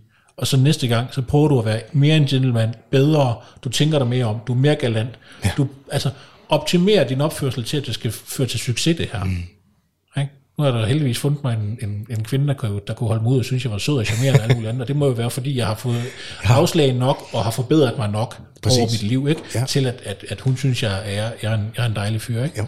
Og det er det der, det er, jo, det er jo på den progression, som vi også har fjernet fra alle filmene og så videre. Det er jo den progression, som vi går igennem i, i som vi går igennem i vores liv. Ikke? Og, og det er den progression, som er, er, er for mange mennesker jo spændende at høre om. Det er jo alle nederlagene og afslagene, og hvordan man så forbedrer sig osv. Og, og det er jo det der med, at hvis ikke vi, vi ligesom øh, grab it by the balls, ikke? altså en gang man tager livet ved, ved, ved testiklerne og siger, nu, nu bliver vi nødt til at blive bedre og stærkere og dygtigere, og, og, og finde ud af, hvordan gør vi det på en ordentlig måde. Og der kræver det jo, at de her drenge her, de ikke får at vide, når de skal vokse op og blive 130 kilo tunge mænd, at de får at vide, nej, du skal bare lade dine følelser løbe af med dig hele tiden. Fordi hvis vi bare giver dem omsorg, så får vi sådan en 130 kilo tung mand, som når at, at han får et nederlag på arbejdspladsen, så tager han småkærne og tæver nogen, ikke? eller går mok, eller smadrer noget. Eller, Ja. og, altså jeg, kan, jeg er ret- rimelig overbevist om, at jeg har en ekstrem destruktiv kapacitet. Ja. Ja. Det er ret, ret overbevist om os. Men jeg er jo så til gengæld også i den situation, at jeg kan styre mig selv. Ja. Så jeg er sjældent, faktisk aldrig destruktiv. er, en af sideeffekterne, det er sådan i hvert fald sådan, øh, jeg, jeg har tit oplevet det, fordi vores samfund samtidig er ret øh, velfriseret. Mm. Altså vi er, vi er faktisk ret ordentlige, pæne mennesker i Danmark. Vi er gode til at øh, tage, tage hensyn. Og vi er gode til at styre vores Og følelser. styr- Vi er gode til at styre vores følelser, og vi har et, i forhold til så mange andre steder et velfungerende retssystem, det vil sige, at man, man får en straf, hvis der man laver noget lort osv. Mm. Men øh, så sideeffekten, ikke nødvendigvis i forhold til ma- makismo, eller det, at man trykker sømmet i bund på den måde, er, at man bliver... Fordi man, det ved, det, det, det er de fleste alligevel trods alt kloge nok til, at de ved, okay, man har ikke lyst til at ind i fængsel, eller man har ikke ja. lyst til at lave noget lort. Men så undertrykker man bare sig selv i stedet for. Fordi man ikke ved, man ikke ved hvor man skal dirigere det hen, og så bliver man sådan lidt passiv... Øh, du siger undertrykker, jeg siger styre. Øh, jamen det, det, det, det kommer, man kan jo selvfølgelig også undertrykke sig selv så meget, at man bliver, man bliver helt, helt vatpikket. Ja, altså det, det er det, jeg mener. Altså, ja, ja. At, at, øh, at, at, det, at det er den modsatte side, mm. men det er en, det er en side, det er, det er samme... Pas, pacificering. Pacific, det, det, det, det, er jo, det er jo der, hvor... Man, man simpelthen klipper det helt af sig selv og siger, at jeg du alligevel ikke til noget. Det er jo det, det er netop der, hvor, den der, hvor min, øh, min, min anke imod det der med at, råbe og skrige om, at der er toksisk maskulinitet og så videre, den kommer. Fordi hele det der system, der sættes i værk, når man siger, at alting det er jo toksisk maskulinitet, og man laver slet reklamer og alt muligt andet, der, der skal vise, hvordan mænd, mænd, mænd er nu være svin. Ikke? Ja. Det er jo, at i det samme, du går ind og siger, at alle mænd bare er svin, og du udtrykker det kulturelt, og du prøver at sætte det frem hele tiden. Øh, og du siger, at, at, at, at det, det er forkert nærmest at være mand. Så er det jo netop, at du fremmer en kultur, hvor en stor del af mænd, de vil sige, åh oh, nej, der er jo noget galt med mig, der er ikke nogen, der vil være sammen med mig, hvis jeg er mand så er jeg nødt til at holde op med at være mand. Hvordan gør man det? Jamen, det gør man ved at neutralisere sig selv. Det er det, jeg mener. Ikke? Og, og det er jo der, hvor at, at netop min holdning er, at det skal vi jo ikke. Vi skal ikke neutralisere, fordi det vi skal, det er, at vi skal lære unge mænd at styre sig. Mm. Men vi skal jo ikke neutralisere dem. Nej, fordi de skal netop kunne handle. I det, at der kommer en, ja. øh, en, en person og gør noget skidt, så skal de jo kunne, kunne træde frem og sige, hey, stop med det der. Hvad mm. du gang i? Ikke? Præcis. Ikke? Og, og, og det får vi jo ikke at neutralisere, fordi hvis vi bare neutraliserer alle, som du siger med, med metaforisk øh, skære testiklerne af dem, jamen så, så får vi bare nogle svage mænd, der bare i det samme, at der sker noget ballade, øh, så lukker de sig ind i sig selv, og så håber de bare på, at det går væk. Og, og altså, så er det, vi har en, en verden, hvor de slemme mænd, de hersker. Hvor man, dem, der netop er, ikke har blevet opdraget som børn ja. til at styre deres følelser, at de her makismo-typer her, de kommer til at styre det hele. Fordi de får lov til at bare agere, som de vil, og der er ikke nogen til at stoppe dem. Fordi de mænd, der skulle være gode og skulle stoppe dem, de er blevet øh, øh, detroniseret og øh, underdrejet i sådan en grad, at de ikke fungerer længere. Min fornemmelse er, at vi er på vej ned af sådan en... det var faktisk en af de, også de, de første øh, tanker, jeg havde omkring det, gang jeg startede podcasten for et år siden. Altså, at vi er på vej ned af en vej, hvor mændene og den, den maskuline kultur i vores sådan hele kultur bliver svagere og svagere, og derfor så bliver der mere og mere plads til, at det øjeblik, at der kommer, vi har russiske bander, vi har motorcykelbander, jeg har haft Martin mm. forbi at tale om det, øh, vi har indvandrerbander, øh, og vi har bare generelt dumme svin rundt omkring også, også i forretningsverdenen. Jo mere plads bliver der til det, jo, jo, jo, jo mere svag maskuliniteten i en kultur bliver, altså den sunde, maskulinitet i den samlede kultur bliver. Hvis der var nok, jeg tror du har det ligesom mig, hvis der var nok ligesom du og jeg, som du ved, hvis vi så noget, der var noget lort ude på gaden eller uretfærdigt, som ville stille sig op og sige, helvede har du gang i, mm. enten stopper du nu, eller også så må vi have fat i nakken på dig. Så vil, altså, hvis det var som en metafor. Ja, men det passer. Forstår du, hvad jeg mener? Altså, jeg, jeg, brugt, jeg har brugt 10 år som dørmand. Okay. Og jeg, udover, udover at være dørmand, så har jeg jo, altså, de 10 år som dørmand har jo skadet mig på den måde, at jeg kan jo se lige sådan, at der er optræk til ballade et eller andet sted. Ja. Ikke? Så jeg har jo også en tendens til at, sådan, du ved, følge, følge med ud på gaden og holde øje med, hvad der sker. Og så skrive ind, når jeg kan se, at hey, det her, det, det, det går galt. Øhm, det er kun her halvandet år siden, der var jeg i retten og vidne i en sag, hvor jeg stoppede et, øh, et voldeligt overfald på en fyr. Han blev overfaldet bagfra tre mand, der så stamp, stampede på ham og joggede på ham og sparkede ham i ribbenet, mens han lå ned. Og jeg så løb over og tog fat i dem øh, sammen med en sådan en dørmand, der var på et sted, der var lige ved siden af. Øh, og så fik jeg dem væk. Øh, og så forfulgte jeg så den ene, øh, efter de var stukket af og splittet ud i nogle sidegader, nede ved Kattesundet og, og, og Vestergade, eller hvad fanden så, så, så var der en af dem, han havde fået revet sin skjorte i stykker, så han gik i bare overkrop, så var nemt at følge ned gennem gaden, der var fyldt med mennesker. Mm. Øh, og så tog jeg bare, jeg havde haft en blå jakke på, den tog jeg af, og så havde jeg bare en hvid skjorte på, så lignede jeg jo ikke længere ham, der havde været oppe og slås med ham lige før. Og så gik jeg bare to skridt lige bag ved ham, indtil at vi kom forbi nogle politibetjente, der stod nede ved Storkespringvandet, og så sagde jeg til dem, hey, ham der, han er lige oppe og slås, lige heroppe i Kattesundet. Fyren han overfaldet, ligger deroppe og bliver i gang med behandling for sine skader af en dørmand. Øh, hvis I lige gider at være så flinke og anholde ham der, så går jeg op og ser, om offeret er frisk nok til, at han kan komme herned, så han kan øh, afgive forklaring til med det samme. Bang, de snuppede ham der med det samme, de to politibetjente, og sagde, du bliver lige her med os. Så gik jeg op og hentede offeret, ned med ham, Han gav forklaring, jeg gav forklaring. God aften. Ja. Ikke? Og så gik det så halvandet år, før vi skulle i ret med manden. Ikke? Ja, ja, ja. Så viste sig at være en, en, en 15 eller 16-årig knægt. Ikke? Øhm, øh, det er sådan en, altså, jeg var 16 år gammel ham der, og så den her 21 eller 22-årige øh, unge mand her, han skulle sparke sin nakken af ham, but why, og hvorfor, hvorfor fanden skulle det ske klokken to eller tre om natten, eller hvad fanden det var. Det var sådan en helt, altså, det var et grundløst overfald. De kendte ikke hinanden, de havde aldrig set hinanden før. Det er de der tre fyre der, de overfalder ham der, Det er fucking vildt. og bare sparker ham ned, ikke? Ja. Det igen ma- marxismo. Hvorfor er det, de, hvad får dem til at gøre det? Der er ikke noget fucking fedt ved det, der er ikke noget konstruktivt ved det, der er ikke noget godt ved det. Der er ikke noget, der gør, at de på nogen måde har en fordel ud af at have gjort det. Nej. Det var bare ren lortopførsel. Og så dukkede jeg op der halvandet år senere i retten og afgav min forklaring. Og der er lige et øh, godt råd til alle folk derude. Øh, hvis I oplever noget kriminelt, så skal I vide, at det danske retsvæsen, det arbejder så langsomt, at jeres hukommelse når at blive dårlig, inden I kommer ind og vidne. Så derfor, den aften, den morgen, det minut, I har oplevet noget kriminelt blive begået, så tager jeg telefonen frem, og så skriver I et notat i den. I skriver det på jeres Facebook, I skriver det et eller andet sted, I skriver det ned øh, på papir og en blog, et eller andet. I skriver det ned, sådan at I har det selv, når I halvandet år senere skal i retten og forklare mm. om det, der er sket. Det er en pissegod idé. Og Eller man kan jo også bare filme sig selv i princippet, også Ja, fortælle, ja, og fortælle, fortælle det. Ja. Lige meget hvad, få det ned med det samme, når det er sket, fordi det er der hukommelsen er frisk. Allerede en time senere, så er jeres hjerne begyndt at digte, der begynder at ske alle mulige ting. Så jo mere troværdigt vidne I vil være, jo før får I gjort den slags ting. Blev han dømt? Han blev dømt. Ja, okay.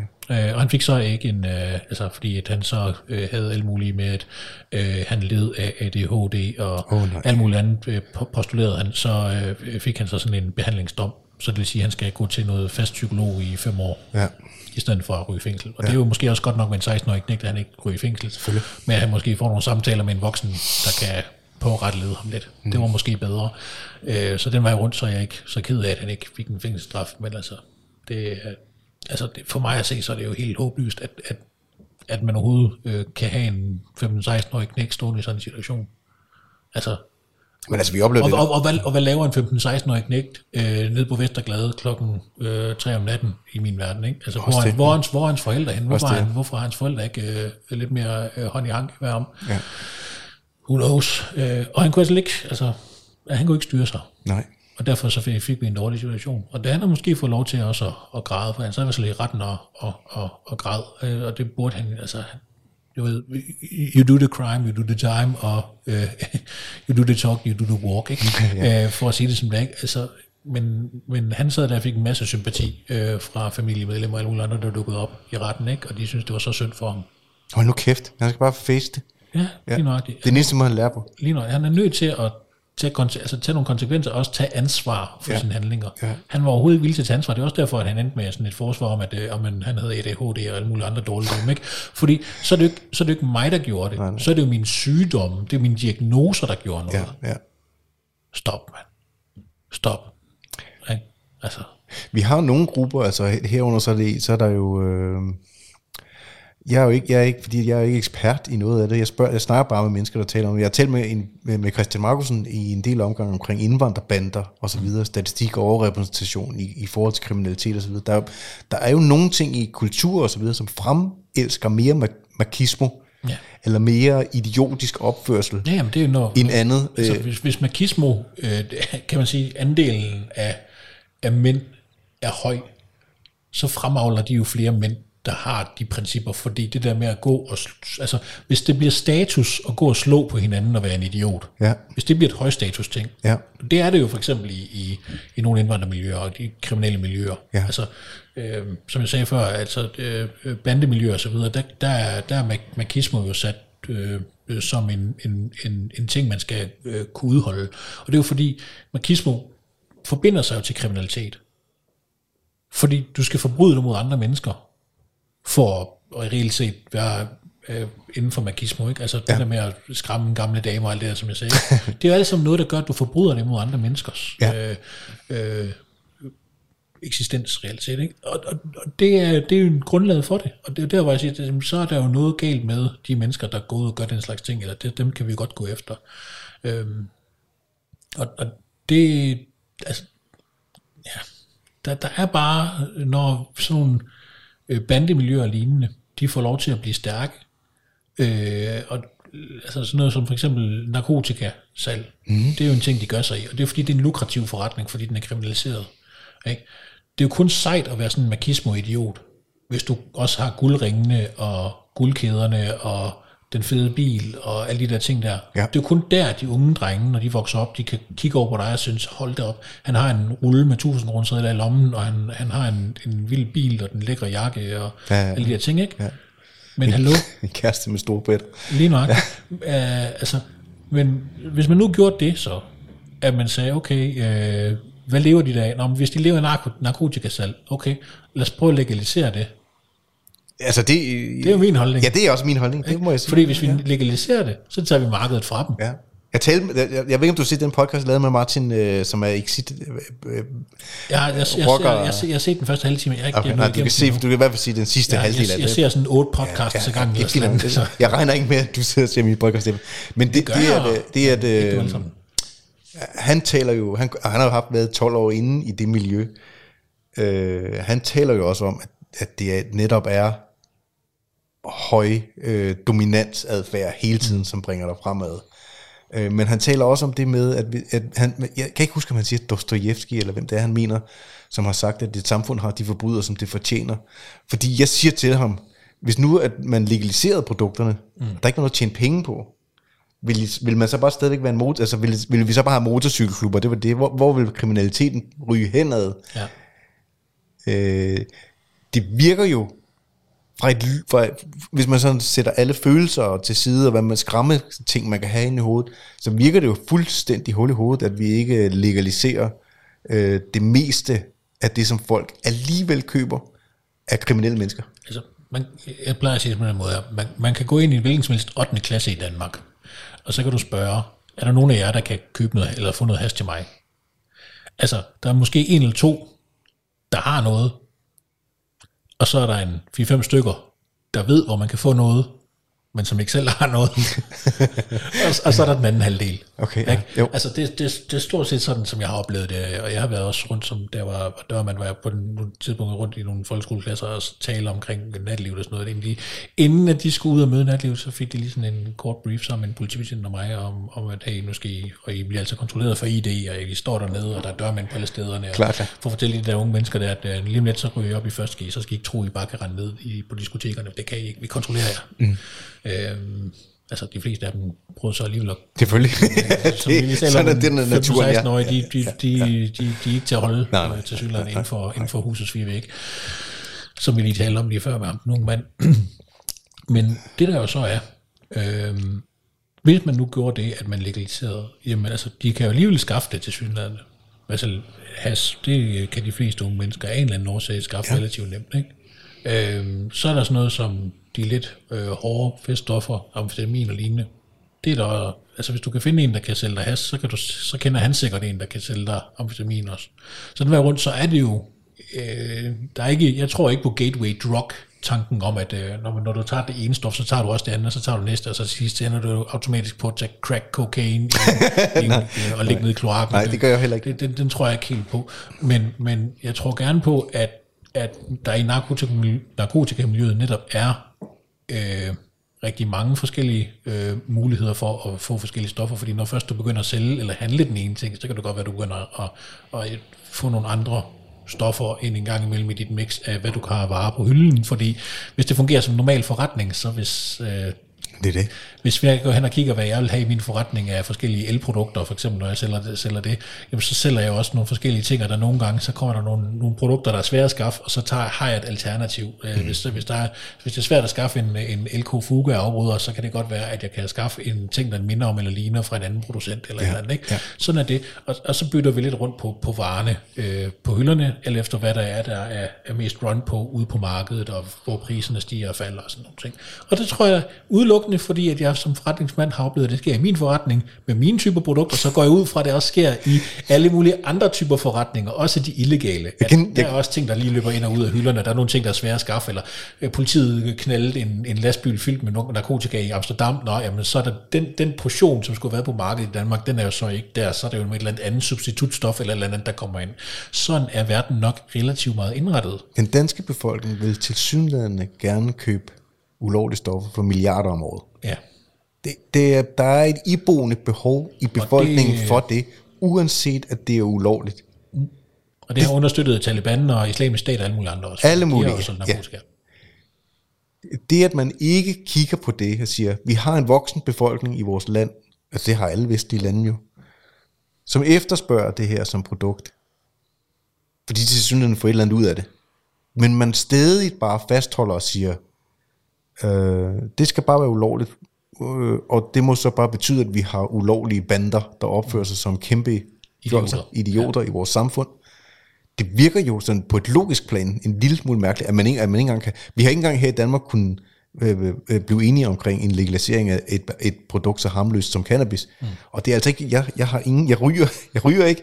Jeg ryger ikke cannabis. Jeg har aldrig taget stoffer eller noget. Jeg, jeg men jeg heller- kigger jeg bare på tager- det jeg på... et- heller ikke narko og kun Nej, men forstår på et logisk, bare på et helt almindeligt logisk plan. Hvad er det, hvad, hvordan har vi fået demoniseret ting så meget, at det er ul... Du ved, det, det, er jo, det er jo endnu værre end nærmest end at sige, at ah, jeg ved ikke, om det, det er på nogenlunde niveau med at sige, at skatten skal ned, ikke? Mm. Altså legalisere, legalisere, legalisere narkotika. det er jo også, det er, jo- altså, det er også der, hvor... hvor øh, altså, jeg plejer jo sådan også at bruge det eksempel, at, at netop legaliseringen af narkotika er så vigtigt, fordi, okay, lad os sige, tobak og, hvad hedder det, øh, alkohol, det er to rusmidler, vi accepterer. Det må folk gerne tage. Der går de ned i skjoldburene eller over i 7-Eleven, og så køber de deres tobak og deres øh, alkohol. Hvorfor er det, at vi ikke ser skjoldburene og 7-Eleven skyde på hinanden med granatkaster ud i gaderne og, og, og lave drive-by shootings og øh, henrette hinandens ansatte?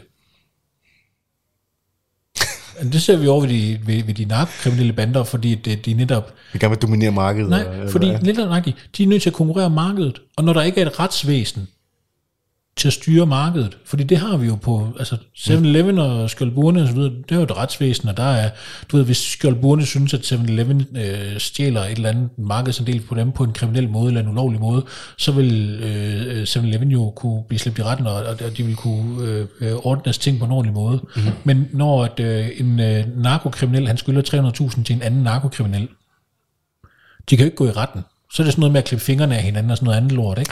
Det er jo det, man lander ikke? Fordi de kan jo ikke, de har, jeg kan ikke slæbe dig for foden. Politiet vil ikke hjælpe mig med at tage din ejendom fra dig, så jeg kan få mine penge. Ikke? Så, så er man jo tvunget ud i det der lort, ikke? Og, og det er jo derfor, at øh, du, som du sagde før, det der med dominans, ikke? det bliver sådan en styrende del. Det er fordi, i, den, i det civile samfund, det behøver vi ikke det, fordi vi har systemer, og vi har institutioner, der tager sig af vores øh, problemer, der tager sig af vores konflikter. Vores forretningsmæssige konflikter er styret af sø- og handelsretten. Det er det jo ikke i Nå, nej. bandemiljøet. Nej. Ikke? Så der er der jo en gang imellem nogen, der kan tage ned i Titangade og affyre en uh, RPG-7, eller uh, et lovmissil, eller hvad det var, et anti- antipansermissil, uh, ind, i en, ind i en fest. Ikke? Altså, fordi de er lidt, sure på hinanden. Ikke? Det er kraft, det må også vigtigt, mand. Altså, det, er jo det, det er jo det der, som vi får, Ja. ja. når tingene de er øh, øh, uden for øh, civil kontrol, og hvor vi ikke har det, vi kan tage tingene på tinge, som man, altså de gamle vikinger, de tog på tinge. Det er jo derfor, altså så sad de derude, og så aftalte de, hvem der skulle straffes, hvordan og så videre. Ikke? Fordi nu var der nogen, der havde gjort noget dumt. Ikke? Øhm, det er jo retsvæsenet. Ikke? Og det har man så ikke i, i det bandekriminelle miljø. Det har du kun hård dominans og tæsk. Ikke? Og, og Eller aflivning, ja. ja, eller aflevning, eller hvad det nu er, de gør, ikke? Og, og der må man jo bare sige, at den nemmeste måde at komme af med det på, det er ved at fjerne de ting, der gør, at det bliver tillokkende at være der. Det, der gør det tillokkende at være i det miljø, er jo blandt andet det, at man kan få status ud af det. Og status kommer med for eksempel velstand. Ikke? ja. De der rockere, de kører rundt på en Harley Davidson til en halv million eller en hel million kroner. Ikke?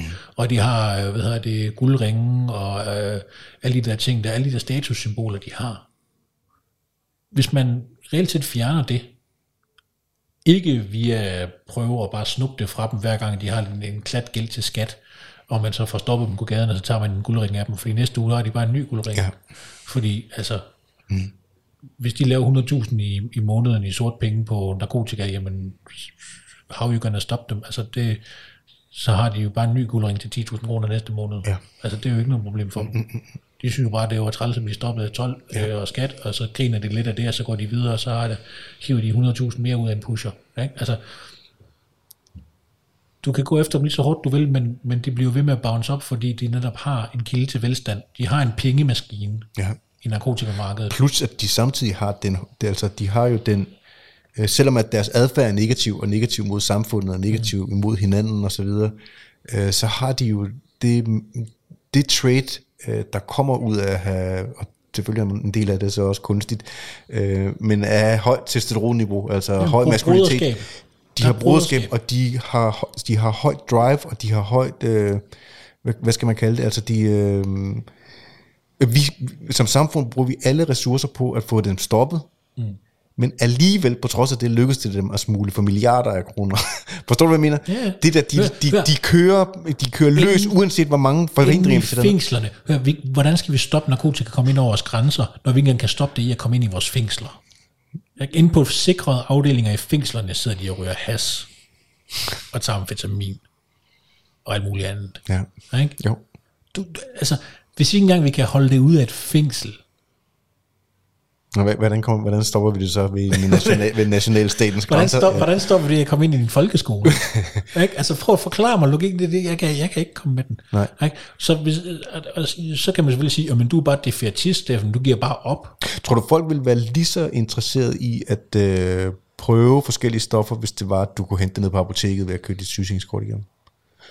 Altså, der vil være to ting, der vil ske der. Den ene er jo, at øh, der vil nok komme et øh, element af civil orden via et øh, øh, social kontrol. Altså, at du ved, det vil ikke længere være en lyssky lejlighed, hvor ingen kan se dig gå ind. Du går hen og henter dit has, eller Ja. ja. dit øh, narkotika. Ah, Okay, ja. Øh, Så det er ude i det åbne, Nu, ja. nu, nu, nu er det ude i det åbne, ikke? Ja.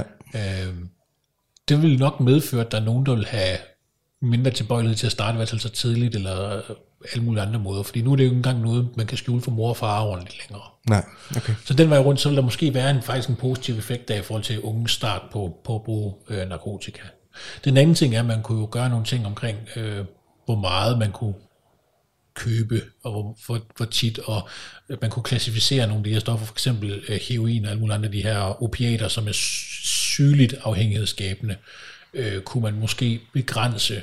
Øh, Men, men, helt, men helt ærligt, altså, folk, ikke? helt ærligt, øh, hvis man, hvis, hvis man skulle prøve stoffer, jeg, jeg, jeg siger igen, jeg har hævet øh, tre hiv Jeg har af, ikke- en, en, en, en, en cannabis et eller andet, jeg er på øh, da jeg var, der, jeg har ikke tænkt mig jeg har ikke, nej, men var det første, man så ville gøre, det var at gå ned, øh, jeg vil gerne købe noget heroin, som jeg kan skyde ind med en kanyle i årene på, men fanden vil gøre det?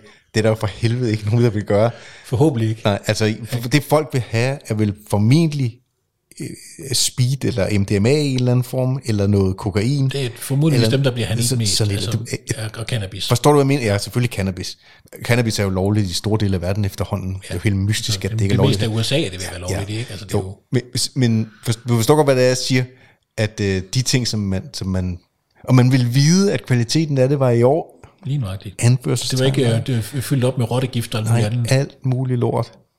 Vil der dø flere på den måde, eller vil der komme flere til skade på den måde, end der kommer til skade i dag, samtidig med, at man vil afli- aflive hele det kriminelle marked? Formentlig. Jeg tror, jeg, tror, jeg tror, tallet vil være det samme, eller lavere, end det er i dag. Jeg tror, jeg tror faktisk, det vil være lavere. Ja. Altså mit udgangspunkt er, at jeg tror, det vil være lavere, fordi at, at vi også får en, en... Altså i det samme, det bliver legalt, så bliver det diskussionen omkring, om det også er socialt acceptabelt. Ja. Øh, fordi i forvejen, så er det formodentligvis, fordi det er illegalt, holdt skjult i mange sociale sammenhænge. Og der tror jeg netop, at fordi det er holdt skjult i mange sociale sammenhænge, det er jo ikke sådan, du går hen på dit arbejde og siger, øj, jeg var godt nok skæv i weekenden. Nej, men du går hen til gengæld på dit arbejde og siger, øj, jeg, har næsten stadig anden dags tømmermænd, fordi jeg fik drukket så meget rom og cola i lørdags. Ja. Ikke? Jo. Kan du, altså, rent moralsk er der en forskel i at drikke rom og cola eller ryge has. Jeg kan ikke finde den. Nej. Jeg kan ikke spotte den. Nej. Ikke? Altså, jo, Det er en følelse, al, al, al, alkohol er meget mere farligt for dig som person ja. at drikke, Ja. end det er at ryge has. Ja. Til synligheden. Altså, det, det, det er alt, hvad alt øh, sådan, øh, medicinsk videnskab viser, fald, det er jo, at din lever, den tager væsentligt mere skade Ja. af, af, af alkohol end, end, end, end cannabis. Ikke? Og tømmermænd er jo noget, der... Altså, nu, nu er vi jo også oppe i en alder, hvor at, øh, tømmermænd, det er jo ikke noget, man har en enkelt dag længere. Det er jo, det er jo sådan en helt, helt uge, vi bruger på det. Ikke? Så, eller det er altså i mit tilfælde, jeg kan da godt have tømmermænd i hvert fald to-tre dage. Nogle gange kan jeg, kan, jeg være føle mig helt svag øh, om Jeg er helt stoppet med at drikke, fordi jeg magter ikke. det tager så lang tid for mig. Altså, Ej, jeg, det er jeg, faktisk jeg, ikke. jeg, jeg, har, jeg, har, en- jeg har en lille datter, der vækker mig klokken 6 om morgenen, ikke? så du ved, hvis jeg kommer hjem fra en ordentlig bullertur klokken 4 om morgenen, så er jeg stadig fuld klokken 6 om morgenen, når hun står der og siger, "Øh, far, du skal... Ikke? Så ved jeg jo godt, at nu, nu bliver det en rigtig lortedag ja, for far, ikke? Det er mener. så, så, så det, det holder jeg mig simpelthen ret meget fra. Så jeg ved godt, at hvis jeg skal ud og buller, så skal det være aftalt med min hustru, at, øh, at hun har ungerne øh, dagen efter, eller at min bedste, eller nogle bedste forældre har dem, eller et eller andet. Det skal altså ikke være mig, der skal have noget med de børn at gøre i 24 timer, for de skal ikke se far i den tilstand. de skal ikke risikere at se far i den tilstand.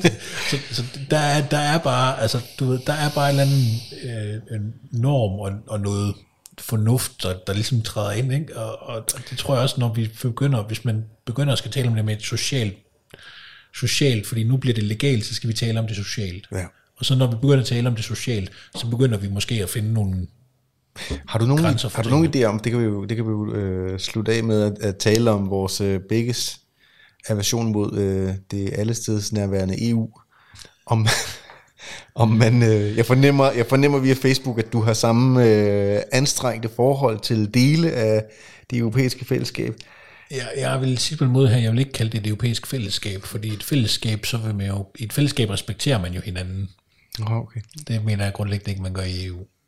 Altså, hvis, hvis EU var noget, hvor man respekterede hinanden, så havde øh, Angela Merkel aldrig sagt, vi er schaffen das. Lad os bare tage den. Den, den er jo altid også. Så havde hun aldrig lukket halvanden million øh, til to millioner øh, øh, migranter Syr, ja. ja, migranter Ja. af alle mulige slags, fra alle mulige lande, Nordafrika og, og Mellemøsten og, og så videre, havde hun jo aldrig lukket ind i Europa inden for Schengen, fordi Schengen og hele den sammenhængskraft og tillid, der er internt i EU, blev jo ikke bare udfordret, den blev decideret sablet ned af, af sådan en manøvre. Ikke? Når der lige dukker øh, to millioner tilfældige mennesker op, som muligvis, muligvis ikke har gode eller dårlige intentioner. Ikke? Og Tyskland grænser jo op til mange andre lande, ikke? og franskmændene, de tog jo lige pludselig en ordentlig portion også, fordi øh, mange af dem stoppede jo ikke i Tyskland, de gik videre. Ikke? De skulle videre til Storbritannien, de skulle videre til Danmark og Sverige, de skulle videre til øh, Frankrig. Øhm, så den vej rundt, så, så vil jeg sige, det er jo en, en helt sindssyg beslutning at tage. At sige, men det var jo fedt nok, at man bare lige lukkede dem ind. Fordi det har jo ikke haft nogen konsekvenser. Der har jo ikke været nogen, der sådan er gået efter Merkel sådan rigtigt Nej. i det europæiske samarbejde og sagt, den der, den var ikke god. Der har ikke været sådan en stor tale fra van der Leyen om, at øh, nu skal vi til at forsejle Europas grænser. Det er der ikke nogen, der siger, og det, det, det, det, bliver jo det bliver sådan lidt okay. Øhm, men er vi så bare okay med uendelig indvandring fra, fra Mellemøsten og Nordafrika i EU?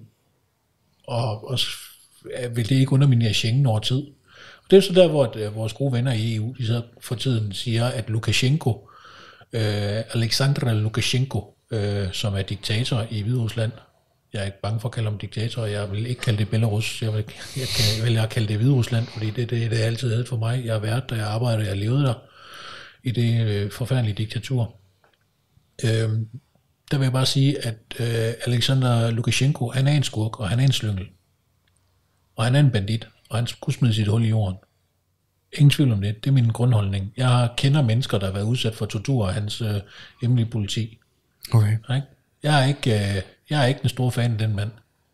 Men når EU så går hen og siger, fordi nu er han jo i gang gået i gang med sådan en plan om at underminere EU ved at lukke en masse øh, flygtninge igennem, eller migranter igennem Hviderusland, og så ind i Polen og ind i Letland og, og Litauen. Så er det, nej, Estland, og der er balladen, som jeg, øh, som jeg ser det, at når de så siger, åh nej, nu lukker Lukashenko 800 til 1000 migranter igennem om dagen til Polen og øh, Estland og Letland, Letland. Øh, Litauen faktisk. Øh, eller ej, det kan jeg sgu ikke huske. Jeg kan ikke huske, hvad for en af dem, der er længst nordpå. Det er også ligegyldigt. lige nu. Han lukker dem ind. Han lukker dem ind. Han tager dem, flyver, flyver, flyver dem til Minsk, Det gør han. tillader dem at fly, købe flybilletter og få øh, hvad hedder det, adgang til Hviderusland, og så er det samme, de lander i øh, den mest fascistiske udseende bygning i hele Europa, den øh, hvad, er det, lufthavnen i Minsk. Det er sådan, den har sådan nogle store stålkløer, der står op i jorden, Ja, rigtigt. som er der, hvor man øh, sætter flyene til. Det er sådan nogle Nå, det må det jeg ser, lige det ser helt drakonisk ud. Det er helt fantastisk. Det er sådan rigtigt, man forestiller sig kun et ondskabsfuldt imperium. og det, det, det rammer meget godt på, hvordan Hvide Rusland er. Det er et ondskabsfuldt imperium i min verden.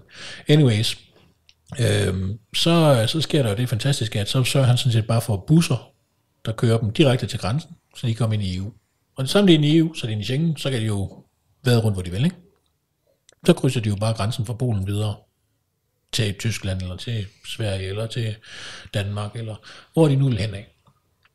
Og det er jo der, hvor øh, balladen ligesom kommer, fordi EU siger nu, at det Lukashenko laver der, det destabiliserer EU, og destabiliserer det europæiske samarbejde.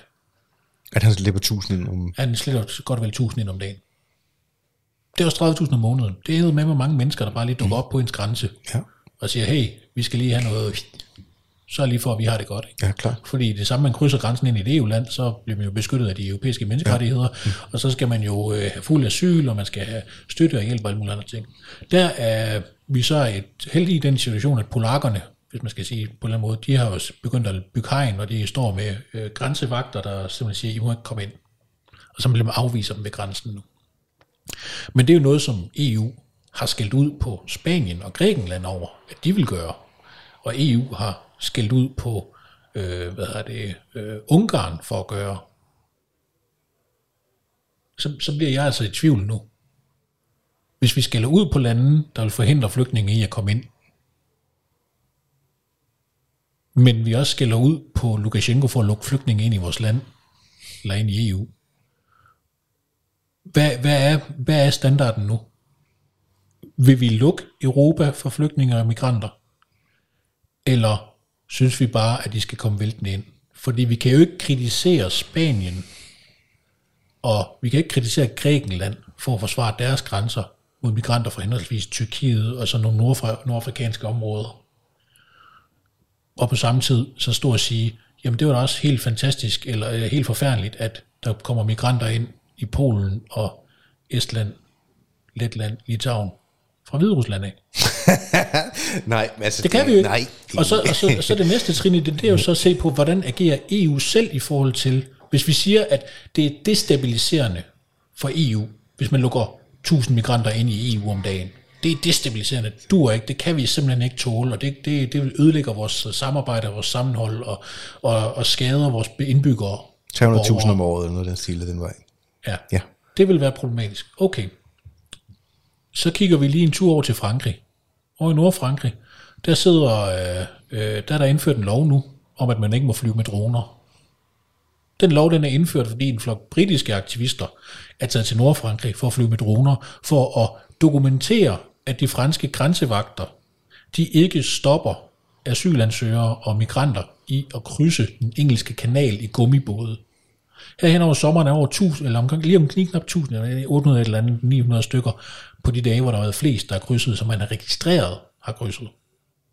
Altså Fra, fra Frankrig til fra England. Frankrig til England. I gummibåde og gamle sejljoller og alt muligt andet, som de, de, de får, får nubbet. Og nogle af dem bliver sejlet over, og så sejler ham fyren, der sejler, det må han sejle tilbage og henter næste gummibåd fuld af migranter. Ikke? Sådan en menneskesmuglere. Der er endda en sag fra, jeg kan ikke huske, det er en, en øh, iransk mand, som så er bosiddende i Skive eller et eller andet, øh, Esbjerg eller eller andet. Han har været involveret i, i blandt andet nogle af de der overfarter, altså været menneskesmugler.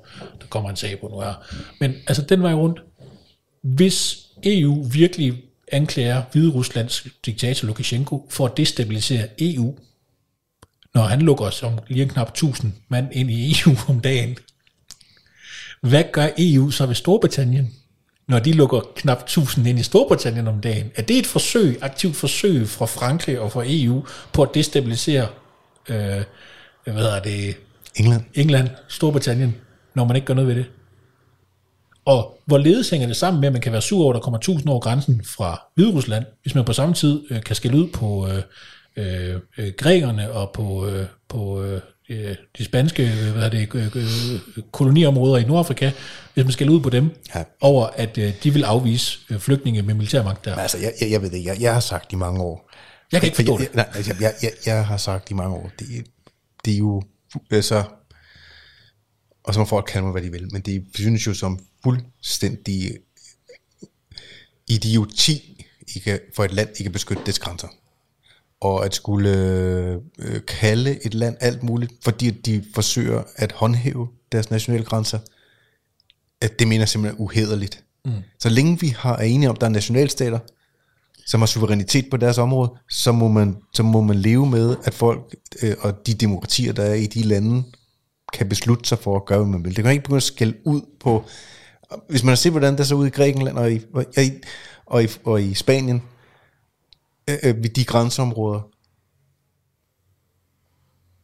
så kan man jo godt, altså, så bliver, men, men, men som land bliver man jo tvunget til at reagere, og så kan der sidde nogen med et pænt slips og en pæn skjorte og en velfriseret frisyr et sted i Bruxelles og sige, hov, hov, det går ikke, I skal bare lukke dem ind.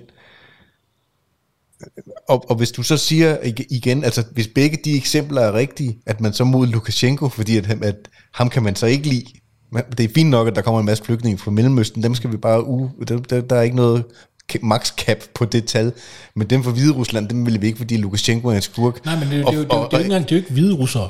Det er jo folk fra Mellemøsten, der Okay, bliver ja, ja, ind ja, igennem ja, ja, Rusland. Altså, ja, okay, ja. Hvide russerne, vil jeg synes jeg nærmest, vi skulle tage imod. Ja, Altså, ja. hvis de ville stikke af fra Hvide Rusland, så synes jeg sådan, at vi Det er skulle jeg meget enig med dig i. tage imod. Er Jeg synes, det er synd for at de fandt i, noget jeg, i, I virkeligheden, jeg synes jo, man skulle hjælpe, men er det, Mik, er, er det Mikkel Andersen og, hvad hedder ham, øh, Niels, Niels Jespersen. Ja, der har skrevet en bog, eller de lavede de ikke en bog på et tidspunkt. Jeg hørte i hvert fald flere radioprogrammer med dem i en periode, hvor de, hvor de fortalte om omkostningerne, hvad det koster at, at underholde flygtninge eller immigranter her, kontra at, at hjælpe dem der i de nærområder, de er. Så virker nogle af de der regnstykker jo altså som værende, okay, vil man hjælpe 100.000 eller 10.000 her, eller at at regnstykket er værre end det. Der, der er simpelthen bare der, der er ting, der ikke hænger sammen. Altså, at lave et droneforbud, så man må ikke dokumentere, hvordan virkeligheden er. Mm. Det er det samme, har du, lagt, har, har du set det? Det gør man også i, Bi- Biden har lige gjort det også ved grænsen mod Mexico i øjeblikket. Så har han lavet en droneforbud, så nu må, nu må øh, tv-stationerne ikke der, der altså det ligner jo nærmest sådan World, det ligner sådan en World War C eller sådan et eller andet der, hvor, Det kommer strømmende over. Ja. ja. Og selvfølgelig kommer de strømmende, og de tal, vi har set her mod Europa, bliver jo kun større i de, i de, Altså- efter, i de kommende år.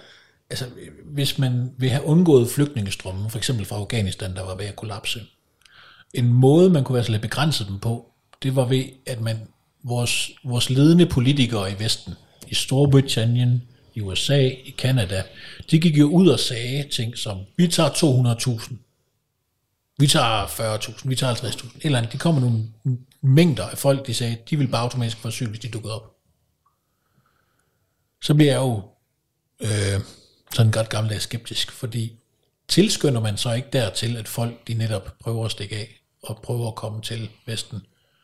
Fordi nu har de lige fået garanti på green cards, det det, hvis jeg de første, der kommer. Så bliver det nærmest en konkurrence om at komme afsted fra Afghanistan. For, Det er nu. Også selvom man måske slet ikke vil have noget problem med Taliban reelt set Ja. så skynder man sig bare ud af døren, fordi sat men nu får vi bare et tilbud om, at vi kan slå, hvad det, dukke op der, og så får vi bare alle vestens goder. Øh, altså så bliver, så bliver grænserne til vores nationer jo også til startfeltet i Matador, ikke? Altså krydser du grænsen, så får du penge, ikke? Ligesom når du krydser startfeltet i Matador, så får du 4.000. Altså, det bliver jo sådan en mærkelig ting, ikke? Bare udover det her, det bliver jo så kontinuerligt hver måned, eller det for eksempel den danske velfærdsstat, de rammer, ikke? Så hver kontinuerligt hver måned, så får du jo bare penge i kassen, fordi at, øh, velfærdsstaten, den betaler jo bare. Og det er jo, det er jo altså, så bliver det, jo- hvad for et incitament giver vi så de mennesker for os at blive en aktiv del af vores samfund og sådan nogle ting. Du ved, der kommer utrolig mange problemer ud af det. Men hvis vi lige bevæger os tilbage til, til den her EU-tankegang, øh, og så hvis vi kigger lidt mere øh, nøgternt på det med, med nationalstaterne, fordi du sagde det her med nationalstaterne, de, øh, de, må, de må da have en, en evne til at forsvare deres egne grænser. Ret til. Ja, en ret til.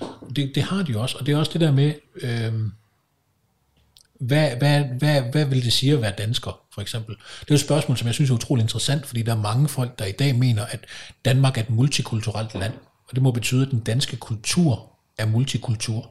Det er deres påstand.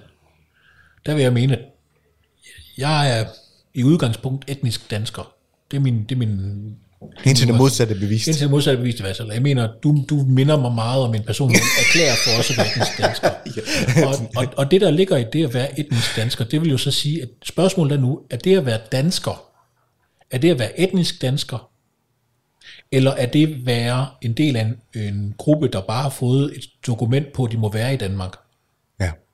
Det er jo et godt spørgsmål, og det er jo sådan et af de spørgsmål, hvor jeg, hvor jeg ikke har set nogen komme med ordentlige og hederlige tanker og svar på det. Øh, der var Martin Henriksen fra DF, han var virkelig, virkelig, virkelig dårlig til at agitere for det. Fordi han formåede ikke at få det til at fremstå om etnicitet og om kulturel, kulturel etnicitet, øh, når han talte om det. Så råbte han egentlig bare op på en sådan måde, at man nærmest fik et indtryk af, at det handlede om hudfarve eller, eller, eller, eller lignende, hvor det reelt set handler det jo om opdragelse, kultur og sociale normer og alle mulige andre tykke og dybe lag. Ja. Ikke?